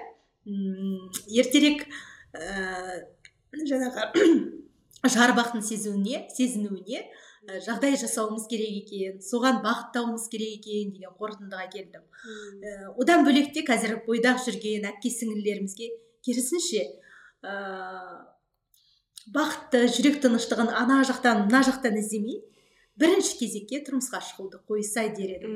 Өйткені адам тұрмысқа шыққаннан кейін бәрі ақырын айқындала бастайды. Саған не керек? Сен қай, қалай қарай бара жатсың? Отбасыңмен ақылдасатын адамың бар иә? Бірге ары қарай жылжисыңдар ал оғанға дейін ә, жалғыз жүрген кезде әлгі бойдақта еш жоқ дегендей біресе біресе ана жерге барып бір соғыласың мына жерге барып бір кезде ананы оқысам ба дейсің бір кезде шетелге барып оқысам ба дейсің иә? Бір кезде ана жұмысты жасап көрейін мына жұмысты жасап көрейін деген сияқты бір іште бір тұрақсыздық бола ма сондай бір нәрсе болады. Нақты андай иә. белгіленбеген ә, бір нәрсе сондай болады. Сондықтан қыздар мүмкіндігінше 25-ке дейін енді 25 потолок деп ойлаймын соның өзінде ең жиырма жастан былай қарай жиырма жиырма бір жиырма үшке дейін шығып кетсе өте жақсы өте жақсы ал бірақ ә, толығымен өзі ә, қалай айтсам болады дайын болғанда өзін ә, жақсы сезінгенде а ол үшін тағы да дайындыққа алып келеміз ғой әңгімені ол дайындық болғанда жаңа өзіңіз де айттыңыз адам жүз пайыз ешқашан дайын иә иә жүз пайыз ешқашан дайын болмайды сондықтан ыыы сосын ә, сол үшін де айтып жатырмын жаңа ә, дайындық отбасыдан басталу керек. Ә, ана дайындауы керек қызды. О бастан дайындауы керек та. Сонда дайындаған кезде мен көрдім ә, солай дайындықпен өскен ә, менің інім інім үйленді иә. Ә, келініміз 19 жаста болды. Машалла ә, келініміз 19 жаста өте ә, аллаға шүкір енді алланың нығметі ғой. Бір өте бір сондай тәрбиелі ә, сондай бір берекелі отбасыдан шыққан келініміз. Сонда бұл қалай деп ойлаймын ғой? Кім кішкентай қыз қалай осындай бәрін меңгеріп қалай бір бір әулеттің келіні болып отыр деп. Ә, басында біз ойлағанбыз ойбай кішкентай деген сияқты солай болады ғой. Иә. Сөйтіп ойлап едік ал кейін қараймын да сүйсінемін. Сосын ары қарай астарына үңілсек ә, оның үйдегі алған тәрбиесі барлық бағытталған ғой. Адамды дайындаған қызды кішкентайынан сен бір әулетке келін болатыны ол келін болса қандай келін болатыны деген сияқты барлығын ақырын ақырын дайындап әкелгенде дайын болған кезінде ә, алғанда ұшырып жіберген былайша айтқанда ұясынан соған қараймын да ал біздің отызға келсек те әлі дайын емеспіз деп жүруіміз ол м білмеймін енді ол бір үлкен қателік деп ойлаймын. Өйткені адам ә, баяғыда бізге айтса да түсінбейтінбіз. Адам денсаулығы мықты кезде иә мен айтамын үнемі қазір айтып жүрмін жиырма мен отыздың аралығында адам баласын дүниеге әкелу керек ең энергиясы көп кезде. Ал мен ойлап қарасам ең энергиям көп кезде елге қызмет еттіңіз. ә, елге қызмет еттім иә жұмыс істедім. Иә солай жүрдім да бірақ сол адам ең энергиясы көп кезін отбасына арнаса ә, балаларына мысалы иә. Қазір түнімен ұйықтамауы мүмкін иә. Жас кезде адам түнімен ұйықтамаса да жүре береді ғой. Түнімен ұйықтамайды баласы жылайды. Баласы бірнеше қатарынан болса да жастың энергиясы бар өйткені. Сонымен ол тіпті білінбейді. Ал егер отызға келіп енді тұрмыс құрамын деп жатқан кезде сен жаңағы қырыққа дейін бала дүниеге әкеліп үлгеруің керек және оны тәрбиелеуің керек және өзіңнің потенциалың бар қаншама. Ананы істесем мынаны істесем деген сонда адамға өте қиын болып кетеді. Сондықтан әсіресе қыз баланы жиырма жастан беріп жіберсе тұрмысқа дайындап сондай ол отызға дейін баласын да дүниеге әкелуі мүмкін өзіне не керек екенін анықтауы мүмкін сол сол аралықта анықтайды табады қазір таппай жүргендер содан кейін отыздан ары қарай ал ә, жаңағы сүйіктісіңмен қалай айналысқың келсе солай айналысуға болады күшті. Бір ә, күшті нәрсесі отбасы құру неке дегеннің достар іріктеледі екен адамдар іріктеледі және бос уақыт іріктеледі да. Ә, уақыттың да бір берекесі артады. Ә, адамдармен сөйлесудің де уақыт берекесі артады екен. Күшті нәрсе. Ә, енді марфу әпке келесі айтар бізде оқырмандар сұрақтары. Бірінші сұрақ осы көп оқырманнан келді дәл осы сұрақ. Хиджаб қазақта болмаған деп айтатындарға қалай өтімді жауап қайтаруға болады дейді? Ә, біріншіден ә, өзімізге біз орамал тағатын қыздар иә ә, хиджаб деп атамаған дұрыс негізі. Бізге ә, өйткені аналарымыз біздің апаларымыз ол атаудан шошиды. Негізінде бұл ә, сосын біз ақталуды бастаймыз да бұл хиджаб емес негізінде сондай деген сияқты. Сондықтан мен жай орамал тағып жүрмін иә жауып жүрмін басымды шашымды деген сияқты. Солайынан айтсақ одан кейін қалай ә, өтімді айтуға болады? Себебі жай ғана айтуға болады. Сіз тарихтан білетін ә, қандай қазақтың әйелін есіңізге түсіріп көріңізші? Оның басы жалаңбас па? деген сияқты. Мысалы ә, кімнің басы жалаңбас бер кеңес кезінде айтпаңыз маған арғы ата бабаларымызды айтыңыз деген сияқты. Мысалы иә кімнің зере әжеміз суреттер андай картиналар болсын немесе айғаным ханым иә несі нағыз өзінің суреті жеткен деген сияқты. Сондайлардың барлығын алып қарасақ немесе тарихтағы бір ә, ескі суреттердің барлығын қараса иә иә. олардың барлығы кимешекте иә. Киме енді одан кейін айтады сендер онда кимешек киіңдер ә, неге былай оранасыңдар деген сияқты иә. Кимешектің заманауи формасы яғни соны тағып жүрміз деген сияқты. Бір жұмсақ ә, әдемілеп жеткізу деген сияқты ғой. Одан кейін тағы да ә, көп қыздарда қазір орамал шешіп жатыр басқа болып жатыр психологиямен байланысты иә сондай нәрсе. Осознанно келу деген сияқты нәрселер пайда болды иә. Дін деген ә, жалпы дінде осознанность деген әңгіме жоқ негізінде. Ә, дін дінді сен ә, ислам ба? Исламды қабылдадың ба? Сен оны бүкіл құраның сенің ә, кітабың оны қабылдауың керек. Болды. Парыз деген нәрсе ә, намаз неге парыз? Мен оны жаңағы осознанно қабылдайын деп айтпайсың ғой. Парыз деген нәрсе талқыға салынбайды. Орамал да тура солай. Сен оны қабылдауың керек. Алла тағала айтты бұйрық орындауың керек. Болды. Оны ары қарай ә, қазып немесе бұл неге өйтті екен бүйтті екен немесе оған қырық дәлел келтіріп негізі орамал осындай пайдалы деудің қажеті жоқ. Алла тағала біз кімбіз үнемі төребек ұстаз айтатындай біз кімбіз? Төребек айтады ғой біз кімбіз? Біз құлмыз жай ғана ал құл не істейді? Ол құл патшасына бағынуы керек. Сол сияқты біз алла тағаланың бұйрығына бағынуымыз керек болды. Одан басқа ары қарай талқылап ондай әрине ол оның пайдасы болмаса оның өзіндік хикметі болмаса алла тағала бізге оны парыз етпес еді онсыз да ал оның астарында үлкен хикмет жатыр.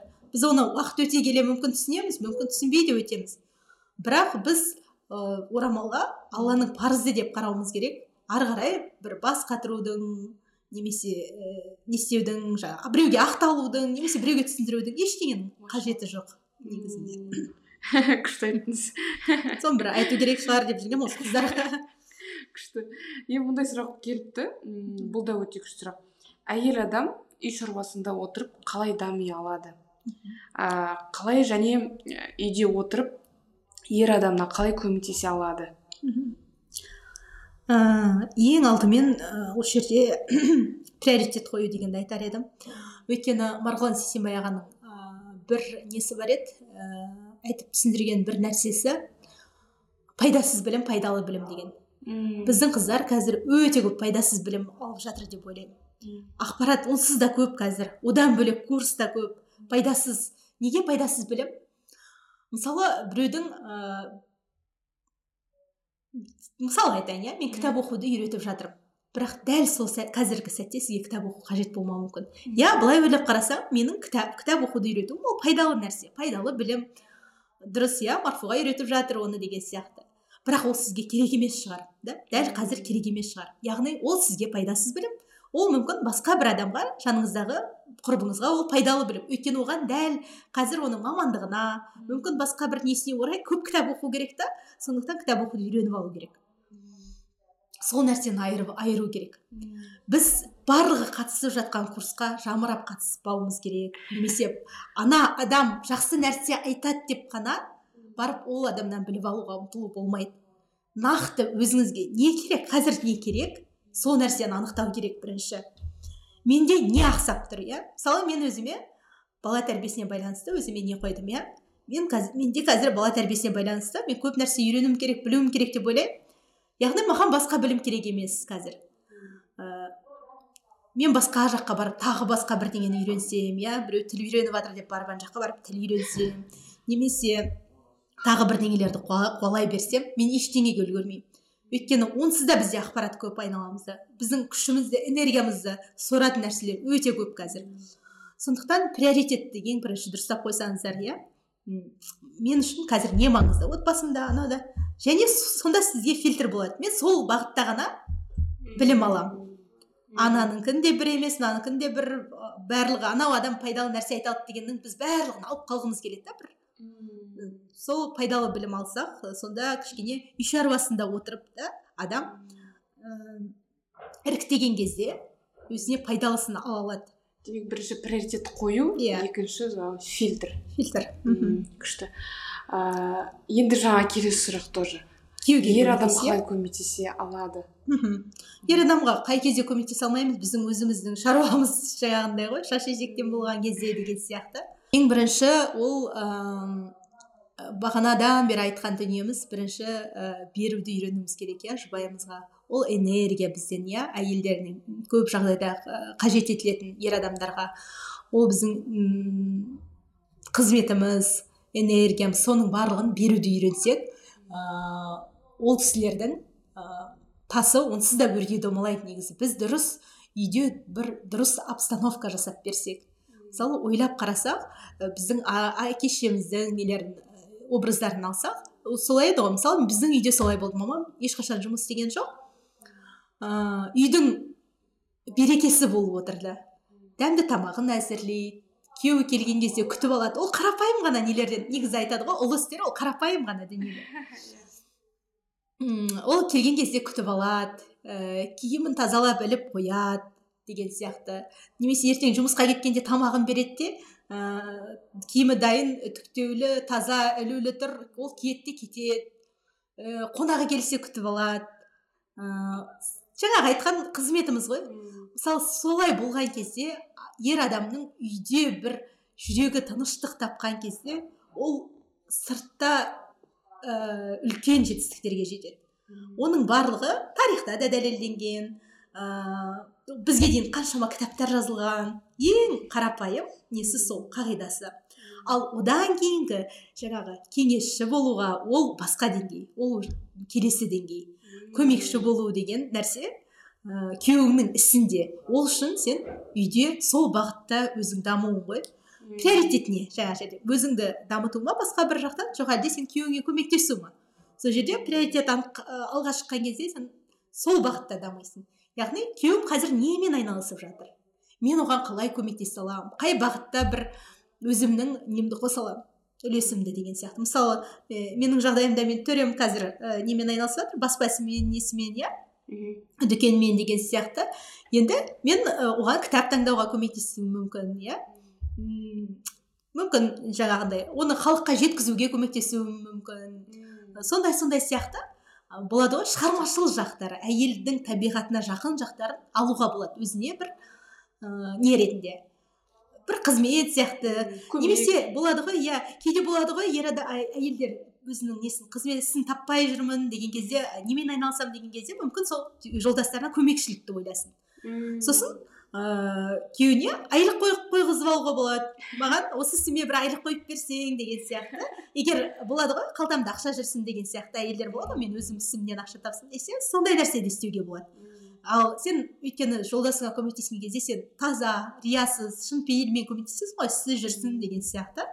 Сондықтан ол ісі жүреді де одан кейін. Егер адам солайынан істесе шынымен ыыы қызмет етсе көмектессе өйткені ыыы психологтарымыз да айтып жүр ғой олар тауқып барады. Егер әйелден ә, дұрыс ә, энергия алса үйінде ә, береке болса үйінде соның барлығы болады. Сондықтан ә, приоритетке шығару керек та ол нәрсені. Демек біз ә, біріншісі ең бірінші деңгей ә, бір саммари жасап кетсек әйел адам ер адамды қалай көмектеседі бірінші деңгей үйде өте жайлы өте қолайлы ә, күн жасап қою Иә. жайдарлы атмосфера жасап қою. Бірінші деңгей. Одан кейінгі жоғары деңгей оған ә, ол ақылдаса алатындай бізбен бірге иә. сондай деңгейде өзімізді фильтр жасау арқылы дамыту. Иә сол. Иә көмекші болу. Иә күшті күшті. енді одан кейін сұрақ берсем болады ғой да? Мындай сұрақ қойыпты. Нәзік болмысын жоғалтпаған әйел деп қандай әйел адамды сипаттар едіңіз? дейді ә, енді сен әйелдік табиғатынан ә, еркек болуға ұмтылмаған әйел ғой. Ол әйел қалай көрініс табады жаңағындай жарыспаған кезде күйеуімен ә, қызмет жасаймын немесе өзін дәлелдеймін деп солай жарыспаған кезде ыыы одан кейін ер адамның жүгін өзіне арқалап алмаған кезде ол әйел үнемі әйел болып қалады. Негізі тіпті ондай әйелдердің ішінде де бір бір нәзік әйел өмір сүріп жатыр. Оның оны біз ә, басып тастаған, тастаған болуымыз мүмкін. Жаңағындай дүниелер арқылы. Енді оған түрлі өмірлік жағдайлар әсер етеді мысалы. Ә, ата анасы мүмкін солай дәлелдетіп өсірген болуы мүмкін әртүрлі жағдайлар әсер етеді. Бірақ әр қыз білсе екен да өзінің әрқайсысының ішінде бір бір нәзік әйел бар. Тек міндет соны ояту ә, өзіңнің табиғи болмысыңа қайту ғой былайша айтқанда табиғи. Алла сені қалай жаратты сол болмысыңа қайту. Алла сені ә, ер адамдармен жарысу үшін емес немесе сөз таластыру иә? Әйел деген жұмсақ ә, мейірім шашатын ә, айналасына кешірімді болады ғой. Сондай болады. Ал керісінше ә, қатал мінездерді дамыта бергенде соны шынықтыра бергенде біз ә, ана нәзік әйелді ішіміздегі басып тастаймыз. Ә, сосын ондай ер адамдар ай әйел әйелдер көбінесе сол әлсіздеу ер адамдармен жүреді жаңағы бас қосады да сонымен ә, аяғында жаңағындай айтып жатады қайда не біз нәзік болып отырсақ бізді кім асырайды деген сияқты. Сондай бір тепе теңдіктің бұзылуына алып келеді. Ең дұрысы сол ғой өзіңнің табиғи табиғат жаратқан кезде мен қандай едім? Соны дамыту. Ол дамытуға да болады. Адамда ниет болса болды. Иә ары қарай. иә иә. Күшті күшті айттыңыз. Негізі осы тепе теңдік ыыы сонау біздің өзіміздің болмысымыздан ұмытып қалудан ғой негізі. Онсыз да бар біздің болмыс иә иә оның барлығы бізде бар. Тек сол табиғатымызға қайту айналып келгенде. Мм. Сонда ә, нәзік болмысын жоғалтпаған әйел табиғи болмысын ә, ұмытпаған әйел. Және ешкіммен жарыспаған мамыражай мейірімді жан иә. Ыыы өйткені ы, өзіңіз де байқайтын шығарсыз сіз жанталасып жарысып жұмыс істей бастаған кезде сіздің ы, неңіз ішіңіздегі әйел шаршайды. Оған бір демалыс керек болады. Ол бір кішкене болады ғой. иә бір тоқтағысы келеді. Мысалы қарбаласта үнемі ііі тіпті сен анда адам ойлауы мүмкін мен ешкіммен жарысып жатқан жоқпын ғой деп. Тіпті өзі егер қарбаласта күнде бір қарбалас жұмыста жүрген әйел болса ол да сол жаңағы жарысқан әйелдің бейнесі. Өйткені ыыы ауыр жұмыс ондай қарбалас дүние ол әйелдер үшін емес негізінде. Әйел өзінің табиғатына сай ақырын ыыы білмеймін жұмсақ бір сәл баяулатып солайынан жұмысын істесе оған бәрі онсыз да келеді негізінде. Ақырын ақырын. Мүмкін дәл сол сәтте келмеуі мүмкін бірақ ол бәрібір келеді түбінде. Күшті. Негізі алла алла тағала бізді өте күшті жаратқан ғой. Тек Иә. сол жаратылған ыыы болмыстан иә. қашып кетіп қалмасақ болды да. Иә, иә. онсыз да бізді бақытты етіп жаратқан ғой Иә. әйел адам нәзік болса жаңа айтып отырсыз ғой Иә. бақытты болады сол кезде шынымен. Сонда деймін да алла тағала онсыз ақ біз дүниеге келдік болды біз уже бақыттымыз. Иә әйел болып келгенде уже нәзіктігімізбен күшті. Ә, енді тағы бір сұрақ оқырмандардан келген. Ә, жанұяда жарыңа сүйікті балаңа мейірімді енеге жағымды шәкіртке ә, жақсы ұстаз болу үшін не етпек керек дейді. Яғни осының барлығы үшін не нәрсе керек деген сұрақ болып тұр ғой. Ә, енді жаңағы осыған дейін айтылған біраз дүние айтылды ғой? Соның барлығы керек негізі. Ә, және одан бөлек тағы бір қосар дүние ол әйелге энергия керек. Өте көп керек. Ә, өйткені ә, тағы да сол марғұлан ә, ағаның айтатыны бар. Ә, жаман жақсы адам ә, жоқ энергиясы бар адам энергиясы жоқ адам бар дейді. Өйткені сен адам жаман болу үшін энергия керек емес. Сен ә, ә, біреу саған бірдеңе деп келсе сен ұрысып жібересің неге? Сенде энергия жоқ болғаннан ұрысасың шынымен сен ал егер жақсы мәміле құру үшін адамға энергия керек қой ал ә, біреумен жақсы мәміле құра алсаң немесе біреу жаңағындай балаң келіп шулап жылап жатқан кезде сен онымен жақсы сөйлесе алсаң сенде күш болса энергия болса сен сөйлесе аласың. Ал энергияң жоқ болса сен ұрысып жіберуің мүмкін. Яғни жаман адам болып қаласың. Сонда адамдарға солай қарасаң жақсы жаман деп емес энергиясы бар адам энергиясы жоқ адам. Ал бізге де көп қазір ә, бағанада бір айтып кеттім біздің энергиямызды алатын нәрсе өте көп қазір айналамызда әсіресе ақпарат соның барлығы адамдар көп араласамыз иә біз қазір енді әртүрлі әркім. Бірақ энергиямызды соратын нәрсе өте көп. Сондықтан біз бірінші кезекте энергиямызды ә, жейтін нәрселерден анықтап соларды. Сон, солардан құтылу керек бірінші кезекте.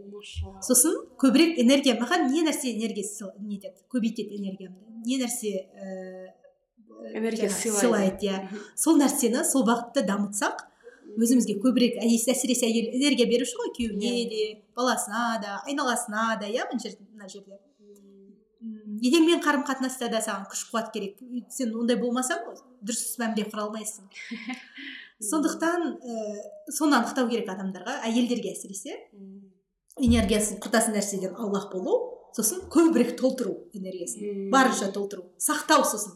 Ол толтырып алған төгіп тастамай лақ еткізіп ана бір кездесуге мына бір жерге шама берсең энергияң бітіп қалады.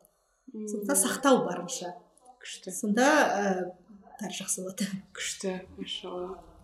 Және ә, тағы бір айтып кетейін. Ә, ниет күшті сияқты маңызды сияқты. Ә, мысалға кейбіреулер сұрап жатады. М кітап ауда жұмыс істедім ғой алдыңғы жылы әріптестерім мысалы данияр жігітбек бар ыыы там мирас кесебаев ағамыз бар. Әйтеуір барлығы елге көп қызмет етіп жатыр да. Мен бұрын сырттан қарағанда ол кісілерге қарап мынадар мына кісілер ыыы қалай энергия алады деп ойлаушы едім. Кейін бір құпиясын түсініп алдым. Оларда ниет күшті. Ал ол ниет мүлде шаршатпайды. Ниет деген қалай жаңағы беру ғой? Беру иә. берейін максимум берейін. Ондай кезде энергия жинайды ғой адам. Иә, иә керісінше беру арқылы ол энергия алады. Дұрыс айтасыз энергия алады. Сол үшін мысалға немесе адам ақшаны көздесе ол қайтадан шаршап қалады. Бірақ жоқ ақша емес мен пайдалы болайын максимум қызмет етейін десе иә. керісінше аллах тағала оған энергия сыйлап иә иә иә. Енді ниет ол бүкіл істің басында өте маңызды. Сен ниетің қалай болады? Ыыы қалай қарай жылжисың сен ол істен пайда аласың ба береке аласың ба? Немесе ол саған ыыы ақыретіңде ешқандай бір сауап әкелмейтін іс бола ма? Ол барлығы ниетке байланысты да айналып келеді. Иә иә иә. Күшті. Ыыы күшті. Енді бізде ыыы блиц сұрақтар айтары бар. Бұған қысқа да нұсқа жауап беруге болады. Бұл жаңағыдай мамандығыңызға негізге ә, аса қатты байланыс болуы мүмкін. Бірінші сұрақ. Анаңыздың қай қасиетін үлгі тұтасыз? мен анам өткен жылы қайтыс болды. Жасы елуде ғана еді. Жиырма бес жасынан бастап ә, қан ауруымен ауырды. Содан осы кіші сіңлімді дүниеге келгеннен бастап қой сонда жиырма бес жыл бойы ауырды. Жиырма бес жыл бойы күресті. күресті былайша айтқанда иә. Содан ыыы соңында енді коронавирус бар енді әсер етті ғой енді былайша айтқанда. Себепші болды. Ә, сонда мен ойлап қарасам анамның өмірге құштарлығын өте қатты бағалаймын. Ә, біз сіңілім екеуміз сол нәрсені бүйтіп ойлап талқылаған кезде үнемі айтамыз. Адам тіпті ертең не болатыны белгісіз адам еді енді қалай болары жағдайының. Бірақ өмірге сондай құштар еді. Өмірге ә, максимум қазір алып қалуды ойлайтын да. Қазір болады ғой өмірден. Максимум бізде мама сол денсаулығына қарамастан үнемі тауға папамен бірге екеуі тауға баратын демалыстарға баратын көп қонақ күтетін шығарып салатын. Елу жасын жаста болса да м максимум өмір сүрді деп айтамыз ғой біз. Бір адамдардың өмірі бір сарынды өтуі мүмкін. Иә иә. Бірақ ол ода сондай болды ол максимум өмір сүрді. Одан кейін тағы бір алатын үлгім ол үйдің берекесі болды. Ол үнемі дәмді тамақ иә. Біз қашан барсақ та үнемі жылы атмосфера үйде. Соның барлығы ол мама ұстап тұрған екен. Кейін міне папамыз үйленді.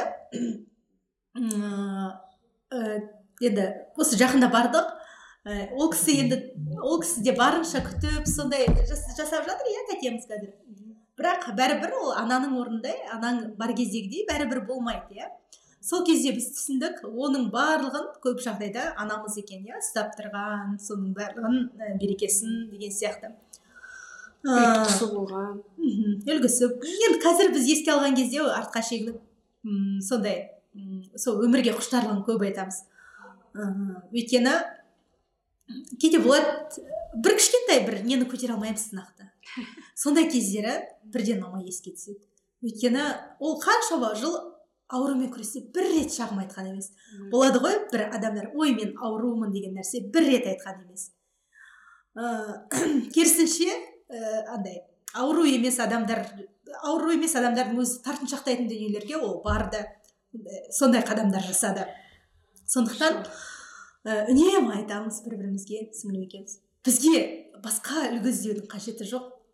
Бір өмір сүруге немесе алла тағала бір әдейі міне деп көрсетіп қойған сияқты сол нәрсені. Сондықтан енді алла тағала жанын жәннатта етсін. Өте бір ауыр қаза болды біз үшін өте бір қиын ә, психологиялық тұрғы, тұрғыдан бір кезеңдерден өттік. Бірақ жаңағыдай ғой алла тағаланың бұйыртқан жасы. Және ең несі? біз алла қаласа сол жәннатта жолықсақ деп тілейміз. Және үнемі еске аламыз ә, мамамыз ол жерде ауырмай жүреді ғой. Өйткені біз ес білгелі ауырады ғой. Сол нәрсе бізге қуаныш сыйлайды кәдімгідей.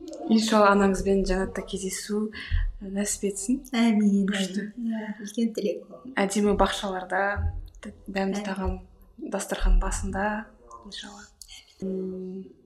Күшті күшті қасиет иә? Өмірге ғашық болу және максимум өмір сүру. Иә өйткені бар ғой бізде андай біз қиындық келсе неге маған неге сөйтіп қалды менің өмірім деп шағым айтқанды жақсы көреміз. Кәдімгідей андай жоқ та қабылдау жоқ. Алланың саған жазған тағдырын қабылдау жоқ та. Бізде көбімізде солай. Неге менің күйеуім сондай? Неге менің балам бүйтіп қалды? Неге? Ол тағдырың ғой тағдырың ба? Сен өзгере алмайтын дүниелер ма? Жаңағындай. Мысалы сен балаңды өзгерте алмайсың ғой ол саған алла тағала берді. Просто қабылдау керек болды. Соны ойлаймын да мамаға қараймын да ойлаймын. Ол ауруын қабылдады ауруымен өмір сүрді. И ол солай өмір сүргеннен кейін ауру оның ә, өмірді өзі қалағандай өмір сүруіне кедергі болған жоқ деп ойлаймын. Күшті. Кейде кейбір нәрселерді жай ғана қабылдау жеткілікті. Иә. Күшті. Машалла енді екінші сұраққа көше берсем. Ә, кішкентай әдеттер өмірімізге үлкен өзгерістер алып келеді. Сіздің өміріңізде қандай әдет бар? Өміріңізге бір үлкен пайдасын алып келген. Енді маған ерте тұру ә, есіме түсіп отыр. Ә, өйткені мен бала күнімнен бір не ә, сол қалыптасқан әдетім ол ерте тұру. Күшті. Төртте бесте тұратын кішкентай күнімнен. Енді кішкентай болғанда сол сабақ оқи бастағанда сабақты ерте тұрып оқу мен үшін бір таңғы тыныштықты сезіну ме екен? бір сондай қатты жақсы көретінмін. Сондықтан ерте тұратынмын ол әдет кешке ерте ұйықтаймын таңертең ерте тұрамын. Ол әдет университетте оқығанда да көп пайдасын тигізді. Не жаңағы жатақханада тіпті жатақханада болған біздің бөлмеде вечеринка өтіп жатқан кезде мен бүйтіп столдың астына кіріп мен ұйықтайтын болсам ұйықтауға сонда группаластарым әлі күнге дейін күліп айтады сондай нелерімді. Сен ұйықтаймын деп бірден ұйықтап қалушы едің ғой немесе ал мен енді ұйықтаймын менің ұйықтайтын уақытым деп мен түсіндіріп иә иә сен бөлмеге қуып жіберіп едің ғой мені деп айтады. Сондай нәрселерді айтады. Ә, ол кезде мен бұл менің ә, жақсы бір әдетім деп ойлаған емеспін. Кейін мысалы тұлғалар өміріндегі ислам кітабын айтып жатырмын ғой. Ол кітапты да мен таңертеңгі уақытта жаздым деп айтуға болады. Таңертең төрттерде бестерде тұрамын әр кезде әрқалай енді ыңғайына қарай. Сосын енді намазымды оқып бүйтіп бүйткеннен кейін жазуымды жазып отырамын үнемі солай. Оғанға дейін күндіз күндізгі уақыт ақпараттардың бәрін жинап аламын да. Сосын сол кезде жазамын ыыы одан кейін жұмыс тоғызда бастала ма? Тоғызға дейін менің сол күндік жұмысым істеліп қойылған болатын. Сосын тоғыздан бастап мен қалаған нәрсемен жаңағы блог жүргізумен мүмкін пост жазу мүмкін білмеймін әйтеуір еркін солай өткізетінмін негізі көп табысты адамдардан осы сұрақты жиі қоямын ғой сол кезде көбісі айтады иә ерте тұру дейді және ә, береке бар дейді да бұл жақта таңның бірақ енді кейін кішкентайларымыз дүниеге келуімен менің ол әдетім анау жылдар бойы келген әдетім қазір бұзылып кетті бірақ енді қазір аллаға шүкір кішкентайымды омыраудан шығардым енді ойлап жүрмін сол әдетімді қайта бір жаңғыртсам деген сияқты. Қайта қолға алсам дегендей. Күшті сәттілік тілейміз. Үшінші сұрақ. Басында ұнамсыз көрінгенмен нәтижесі сіз үшін қайырлы болған бір оқиға. Бұл ә, кезде маған бір қызық бір басымнан өткен бір жағдай есіме түсіп отыр. Мен студент кезден жұмыс істеуді бастадым. Сияқты. екінші курсымда неде. Журналистикадан сабақ беретін ағайым. Сол кісі айтты осындай ә, бір журнал бар не жақсы жазатын қыздарды сұрап жатыр сен барып көресің ба деп сөйтіп сұрады. Ә, «И сені таныстырайын деп. Сосын ә, ол кезде жұлдыздар отбасы деген журнал. Өзі танымал журнал өте танымал журнал. Ә, сол кездері. Соның несі? Редакторы жарылқап қалыбай деген журналист ағайымыз бізге сол казгуда сабақ берген бірақ дәл маған берген жоқ. Болады ғой. Екінші группа, екінші группаға берді иә. Содан сол кісімен барып таныстым. Танысам да сосын ол айтады маған студенттер керек. Жақсы жазатын студенттерді іздеп жүрмін. Ол кезде ол да журналда енді енді тәй тәй басып жатқан сондай. Ыыы жақсы жазатын журналистерді іздеп жүрмін. Сен келіп көресің бе жазып көресің ба интервью аласың ба деп сөйтеді. Сонда нешінші жылдары? Екі мың сегіз. Вау күшті. екі мың алтыда түстім сол екінші курс екі мың сегіз. Содан ал мен ыыы ақын жазушыларды оқимын тек нелерді оқимын мен жұлдыздарды менсінбеймін өзімше. Болады ғой. Ой мен олардан интервью алғым келмейді. Олар не істеймін деген сияқты андай. Бір өзімше жақтырмай сөйтіп жүрмін ғой. Сосын бірақ ә, жұмыс енді істеп көргім келді. Қызық болды. Бірақ сол жұлдыздарды онша қаламаймын. Содан сол жаққа барып м не жұлдыздармен жұмыс істеу бастадым. Бастадық. Ә, ол кезде көп қыздар керісінше жұлдыздарды көру үшін олар Иә. қол жетпес арман сияқты көрінетін ғой. Сондай мақсатта журналға жұмысқа тұрады негізінде. Көргісі келеді бір болса да интервью алғысы келеді деген сияқты. Ал ә, не ал мен айттым. Көбінесе сол мен боламын ақын жазушылардан алсам ә, сосын сондай. Үлкен тұлғалардан алсам деген сияқты сондай сұрап жүрдім. Сосын ол кісі бір екі рет беріп көрді да мен жазуым көңіліне шықты. Сөйтіп сол жерде жұмысқа ары қарай істей беретін болдым Ә, кейін арада уақыт өтіп аңыз адам журналын. Ә, ол жобаны былайша айтқанда мен бастадым ғой. Ол басында жұлдыздар отбасының ішінде айдар ретінде иә болды. иә иә айдар ретінде айдар болды. ыыы өйткені жаңағындай жарылқап ағаймен сөйлесіп отырмын. Сосын айтты мен жұлдыздармен жұмыс істегім келмейді. Маған бір басқа бір тапсырма беріңізші деп сөйтіп айттым. А сол кезде ол ә, ақпан айы қаңтар айы болатын ақпанда мұқағалидың туған күні болатын. Сосын ол айтты онда мұқағалидың ұлы бар сен содан сұхбат аласың ба деді. А ол менің сүйікті тақырыбым мен мұқағали жақсы көремін бала кезімнен өлеңдерін жаттағанмын о болды мен аламын деймін. Ол менің алғашқы нем болды былайша айтқанда. Сөйтіп сұхбат алып келсем ыыы жаңағы редактордың орынбасары айтады сен сұрақтарды өзің дайындадың ба? Сенбейді да. Андай кішкентай қыз енді дайындай алады деген сияқты. А ол менің енді білетін тақырыбым болды былайша айтқанда. Сөйтіп сол жерде аңыз адамның несі туды? Ыыы идеясы былайша айтқанда ы, соны аңыз адам деп айдарын қойып жарылқап ағай болды енді осы нені сен жүргізесің деп кейін оны журналды бөлек шығардық қой. Содан айтайын дегенім мен сол жерде жұмыс істедім қанша жұмыс істегеннен кейін де арада жеті жылға жуық жұмыс істедім сол студент кезімнен санағанда. Сонда ә, ең андай шарықтау шегі неге жоғары деңгейге жеткенге дейін. Да жарылқап ағай біз ол кезде кішкентай бір қуықтай кабинетте отыратынбыз сонда айтады біз осындай дәрежеге жетеміз дегенде сенбейсің ғой бірақ расымен бір өте биік ә, бүкіл қазақстан оқитын деңгейге жеттік. М, содан неде мен сол кездері ойлап жүрдім.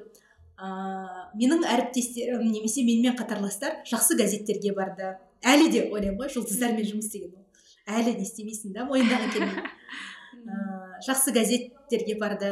Қазақ әдебиетін мүмкін ол кезде ана тілі әртүрлі газеттер бар ғой жас қазақ. Ал мен ыыы жұлдыздардан сұхбат алып жүрмін. Еще сұхбат ол ә, сұхбат болғаннан кейін сен жазбайсың мақала жазбайсың? Интервью аласың таза. Интервью негізінен жанр интервью. Содан менің жазуым дамымай қалды. Менің мына жерге өзім- өзімді солай нететінмін иә мен ол жерден ыыы атым қалыптасты иә? Өте үлкен тәжірибе алдым. Соның бәрін ойласам. Енді арада м, он бестен бері мен он бесте сол астанаға кеттім сол кезде шығып кеттім. Он бестен бері арада қанша жеті жыл өтті ма? Жеті жыл өткенде мен қарасам ол мен үшін ең қайырлы бір не болыпты деп ойлаймын. Уақыт уақыт болыпты иә. Өйткені алла тағала мені ыыы осы қазір өз бетіңмен кітап шығаруға дайындаған екен. Сонда ә, біз ол кезде журнал шығаратынбыз. Бүкіл процесс көз алдымда бүкіл процессті білемін мен. Ә, дизайн болсын иә баспаға жіберу. былайша иә баспаға жіберу бүкіл процесс ә, өтті. Адамдармен жаңа айтып жатсыз ғой сіз қайдан білесіз әуезовтің несін? Иә иә. Соның барлығы ол аңыз адамнан да. Өйткені біз аңыз адам дайындадық қой әр тұлғаны дайындадық. Ол тұлғалардан алған нәрсе иә ол үлкен не. Мысалы былай болатын. Мен бір тұлғаны шығару үшін жарылқап ағай ә, келесі айда біз толстойды шығарамыз десе толстойдың бүкіл кітабы біз ол кезде меломанға бармаймыз ондай не жоқ әлі ондай бір дәрежеге жетпегенбіз. Кітап барып сатып алатын деген сияқты болады ғой. Білмеймін кітапты сол әртүрлі баспалардан былай былай аламыз бірақ меломан қымбат көрінетін ол кезде. Енді жұмыс істеп жүрген жас маманбыз ғой былайша айтқанда. Сол кезде ол маған бүкіл кітапты меломаннан алып сатып алып келеді. бір он бес шақты кітап алып келетін шығар. Сосын үстеліме қояды келесі айда толстой туралы. Мысалы сен толстойдың осы кітаптарын оқы ол туралы жазылған кітаптарды оқы деп алып келеді. Сонда сен бәрін оқисың. Прям болады ғой. Ашқарақтанып мен менде болатын. Біз ең күшті журнал шығарамыз. Ең күшті нәрсесін береміз деген сияқты. Бір сондай бір немен. Ізденіспен ізденіспен махаббатпен иә. Одан кейін ол күшті шабыттандыратын бізде жарылқап ағай күшті. Болады ғой жұмыс істегің келетін келе беретін сондай болады. Ыыы солайынан әкеліп кітаптарды береді сен оларды оқисың аударасың ау- аудару керек деп барлығын журналда бересің. Ол деген қаншама білім багаж қазір ойласам. Ыыы қазір і, кітап біреу туралы шығаратын кезде мен оның бүкіл несі өтеді көз алдымнан.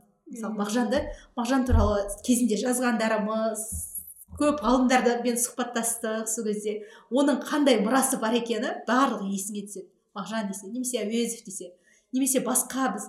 Сосын неде? Редакцияда талқылау. Қырғын боламыз жаңағы. Бір тұлғаны талқылап оның мынандай екен ғой ол мынандай екен ғой біреуден сұхбат алып келсе келіп айтамыз. Мә афросияб деген осындай екен ғой біз білмеппіз деген сияқты. Бір ә, әңгіменің өзі редакциядағы бір үлкен бір сондай нелер болатын рухани әңгімелер болатын. Сол ойлап қарасам алла тағала мені дайындаған екен осы кітап шығару ісіне сондай бір үлкен мектептен өткізген екен.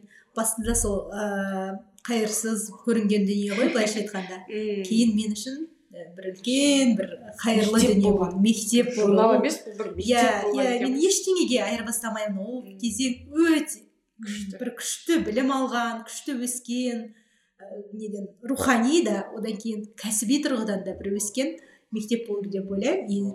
И кімге жарылқап ағайға мен алғысым шексіз. Ә, андай университетте сабақ бермесе де маған ә, журналистикада осындай бір үлкен ұстаз болды деп есептеймін күшті кісіні. фундаменті қалыптасқан. Иә иә. Керемет. Осындай оқиғалар кәдімгідей шабыттандырады да и ойлап қарасақ негізі өмірімізде барлық оқиға қайырлы да иә иә. Иә ойлап қарасақ анау да оқиға қайырлы еді ғой мынау да қайырлы иә иә. Шынымен аллах тағала ненің қайырлы екенін өзі біледі біз Иә, емес иә. иә күшті. Енді төртінші сұрақ қояйын. Әр адам өз үлгі тұтатын тұлғаға сай бой түзейді оның үстіне сіз тұлғалар өміріндегі ислам әлем таныған мұсылмандар деген ә, кітаптардың авторы ретінде марфуа әпкеміз кімді үлгі тұтады? Енді ә, бала күнімде мен ә, кімнің шерхан мұртазаның қызыл қызыл жебесін оқып тұрар рысқұловты қатты үлгі тұтатынмын. Ә, елге қызмет еткен осындай болса елге қызмет етсем деген сияқты. Одан кейін ә, уақыт өте келе а, кімнің әзілхан нұршайықовтың ақиқат пен аңызын оқып бауыржан момышұлын ә, жаңағы тұлғаларымның қатарына қоса алдым. Мынау мықты екен ә, шыншыл деп. Ә, сосын тағы бір арада біраз уақыт өткен кезде мұқағалиді өзім қатты өлеңдерін оқып жақсы көрдім.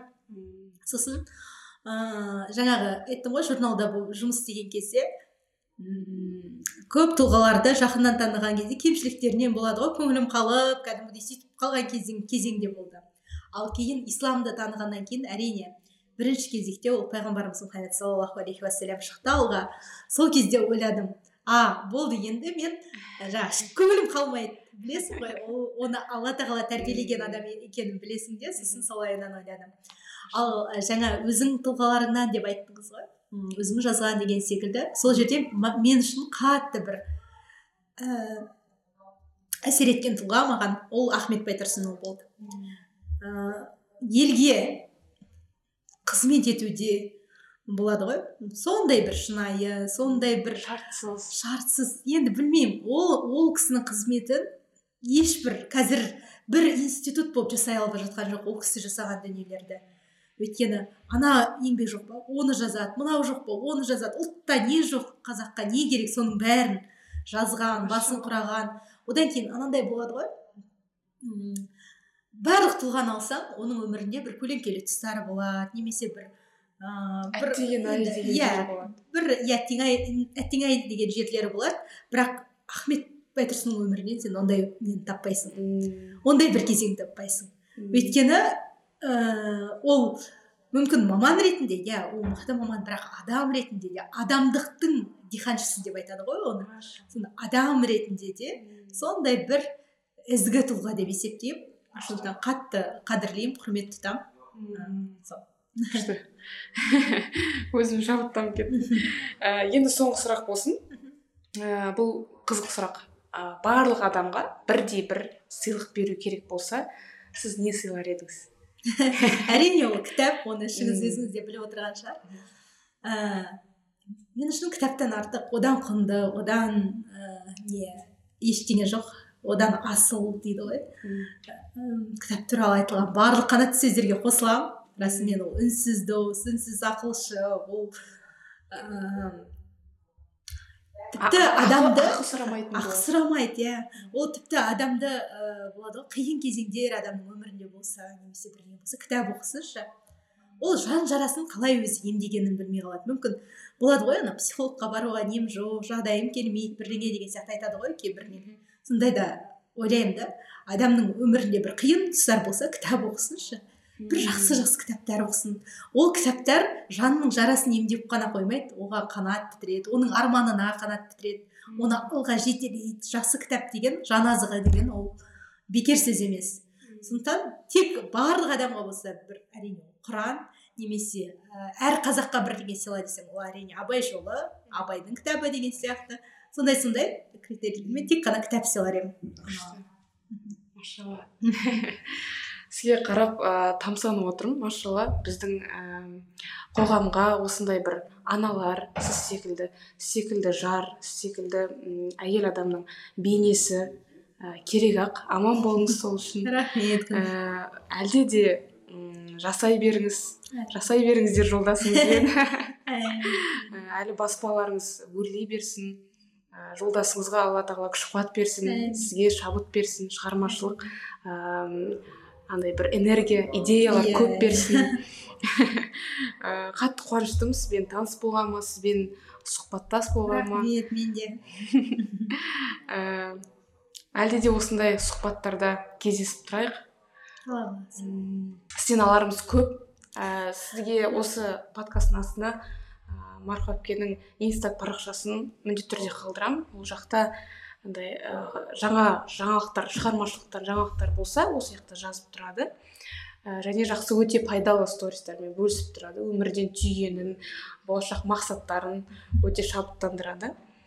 Ә, алла разы болсын. Әмин сізге де алла разы болсын. Мен де қуаныштымын. Кішкене қорқа қорқа келіп едік. Әйтеуір.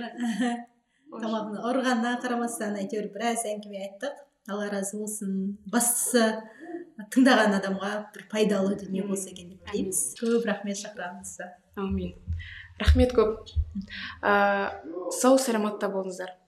Сау.